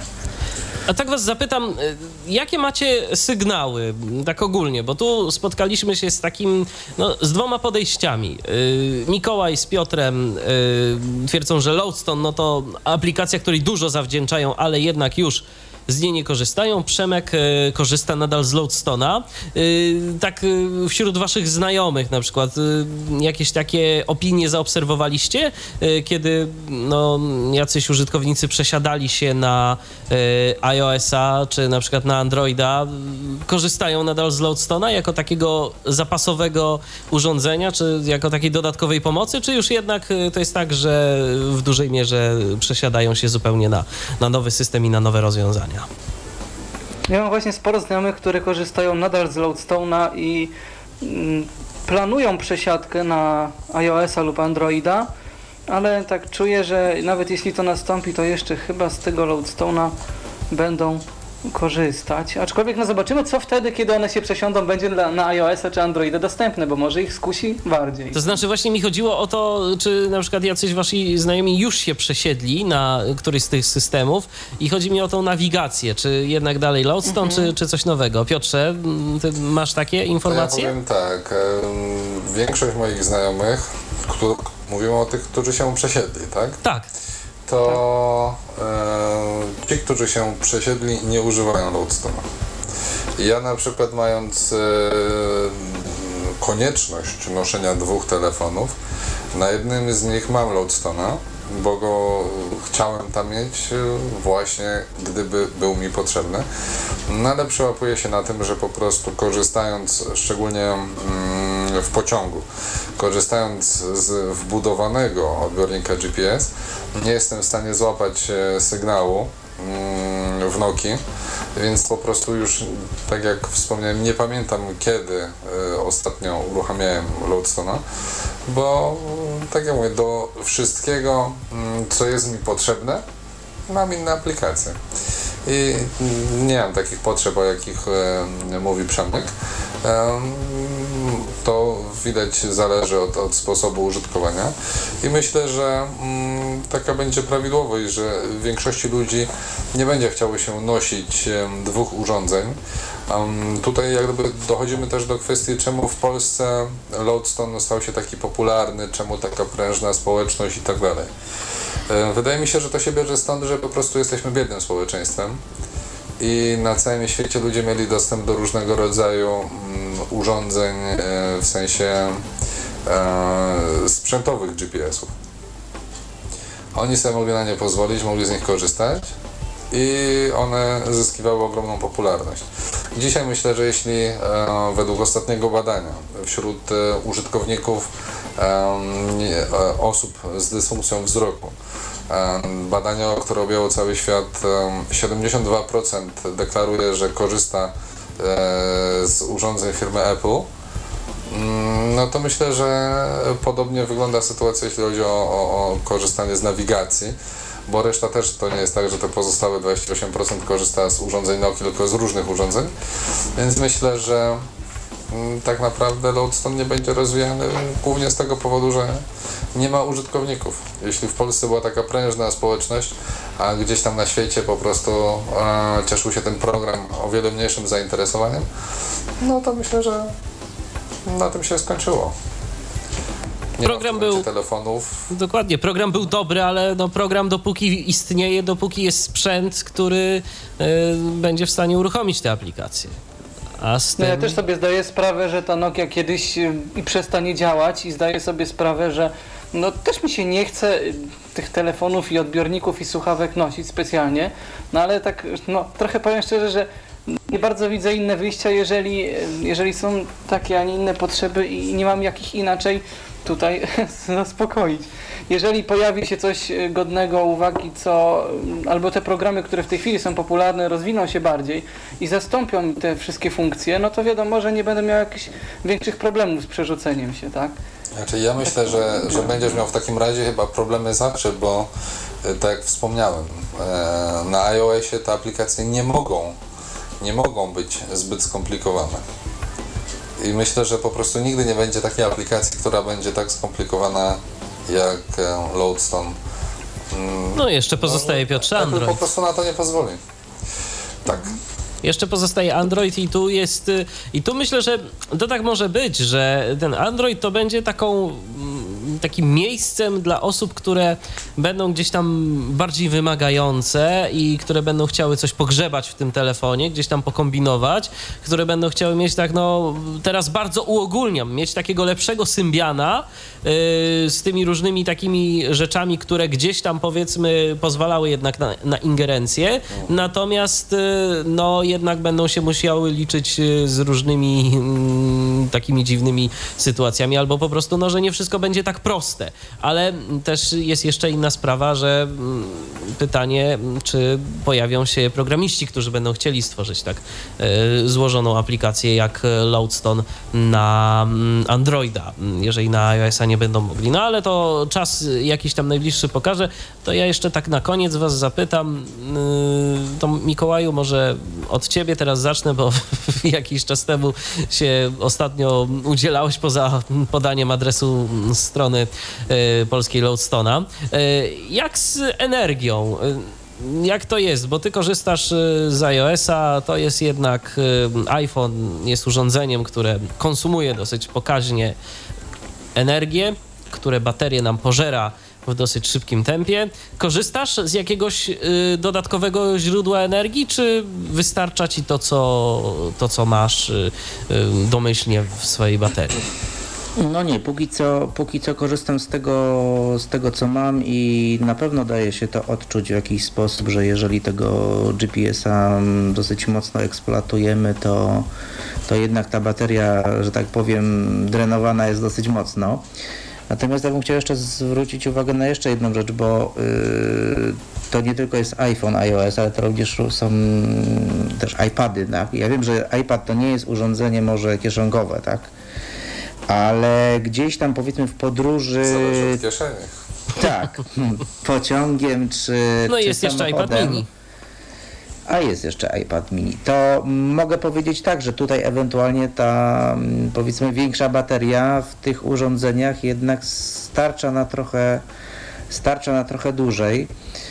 A y, jeszcze takim drobniuśkim odwołaniem do Loadstone'a, ja mogę by, można by powiedzieć, że przez to, że y, czy to mamy aplikację y, Move Assistant, tak, która umożliwia, to jest praktycznie na tą chwilę chyba jedyny taki podstawowy sposób importowania do niej, do niej punktów, no to można by powiedzieć, że, że ten Loadstone gdzieś żyje, tak? On, on, on stworzył jakiś standard wymiany plików, jakąś filozofię i to też nie jest tak, że to co, to, co się y, stworzyło mm, za pomocą Lostona, to co stworzyła polska i światowa y, społeczność Lostona, że to, jest, że to się kończy z jego, z jego powiedzmy brakiem rozwoju. To nie jest do zaorania, to jest jakaś, jakiś dorobek.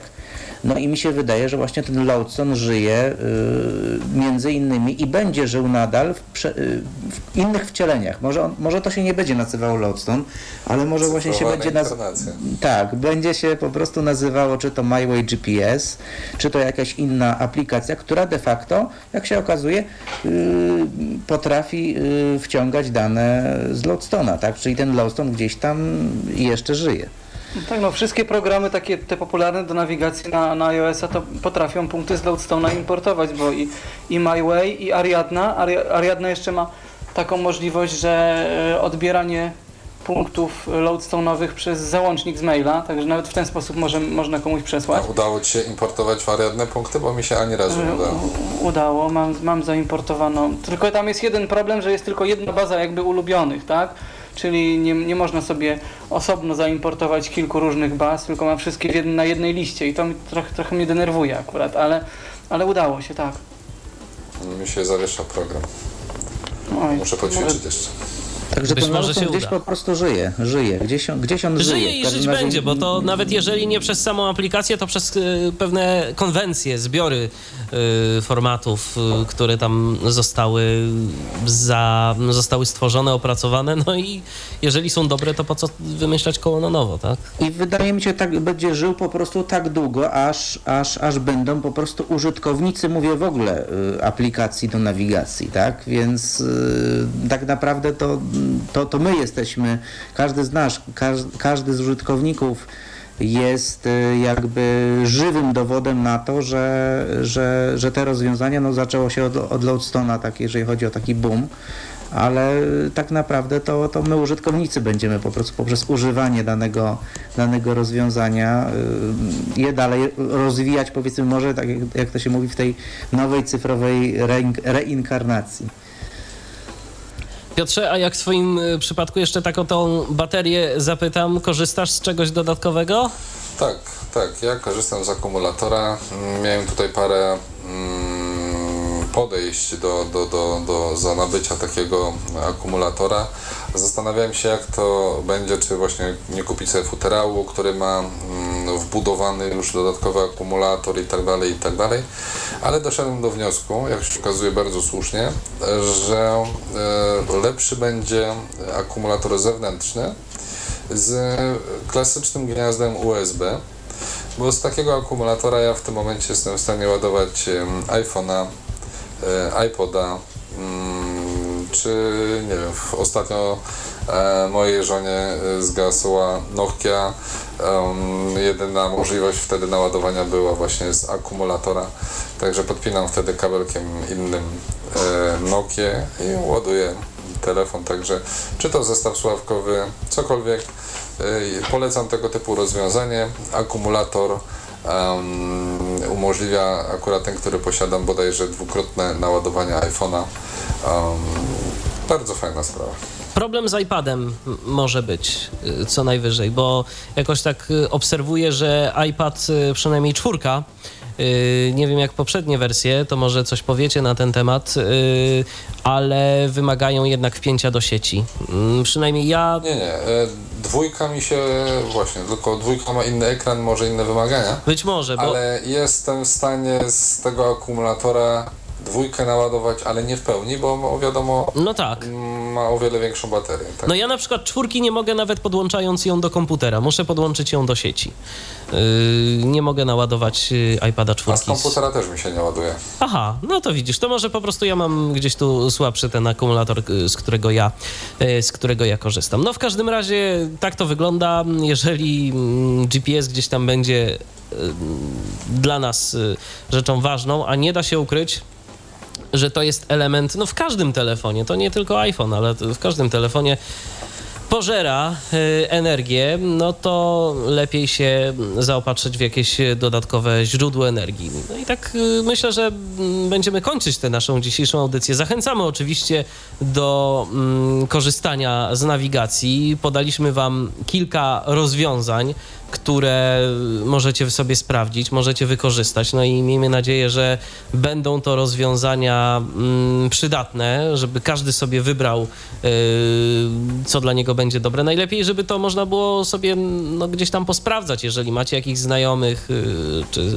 posiadających y, telefony z Symbianem, czy czy z Androidem, czy z iOS-em, żeby zobaczyć sobie przynajmniej, jak to wygląda, co dla Was będzie najwygodniejsze. Oczywiście no, jest jeszcze szereg innych urządzeń, yy, o których dziś nie mówiliśmy, ale one też są. To są yy, urządzenia już, nie, nie oprogramowania, urządzenia, takie jak chociażby nawi- nawigator, yy, czy podobne, jak na przykład właśnie Tracker Breeze, o którym kilka słów yy, miał Adam opowiedzieć. No niestety dziś go coś zatrzymało, jak widać. Yy, w każdym razie no, są też takie urządzenia. Może komuś coś takiego się przyda, ale to już temat na zupełnie inną audycję, a zresztą na temat y, chociażby nawigatora i podobnych y, urządzeń, to już y, na antenie Tyflo Podcastu y, kiedyś rozmawialiśmy. A ja ze swojej strony Dziękuję bardzo serdecznie moim dzisiejszym gościom.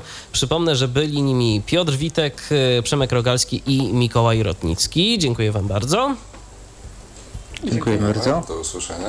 Do usłyszenia. Kolejny Tyflo Podcast na antenie Tyflo Radia już za tydzień. Zapraszam bardzo serde- serdecznie. Spotykamy się znowu w poniedziałek po godzinie 19 i znowu porozmawiamy na jakiś, no mam nadzieję, interesujący temat dla osób niewidomych i słabowidzących. Michał Dziwisz, kłaniam się. Do usłyszenia.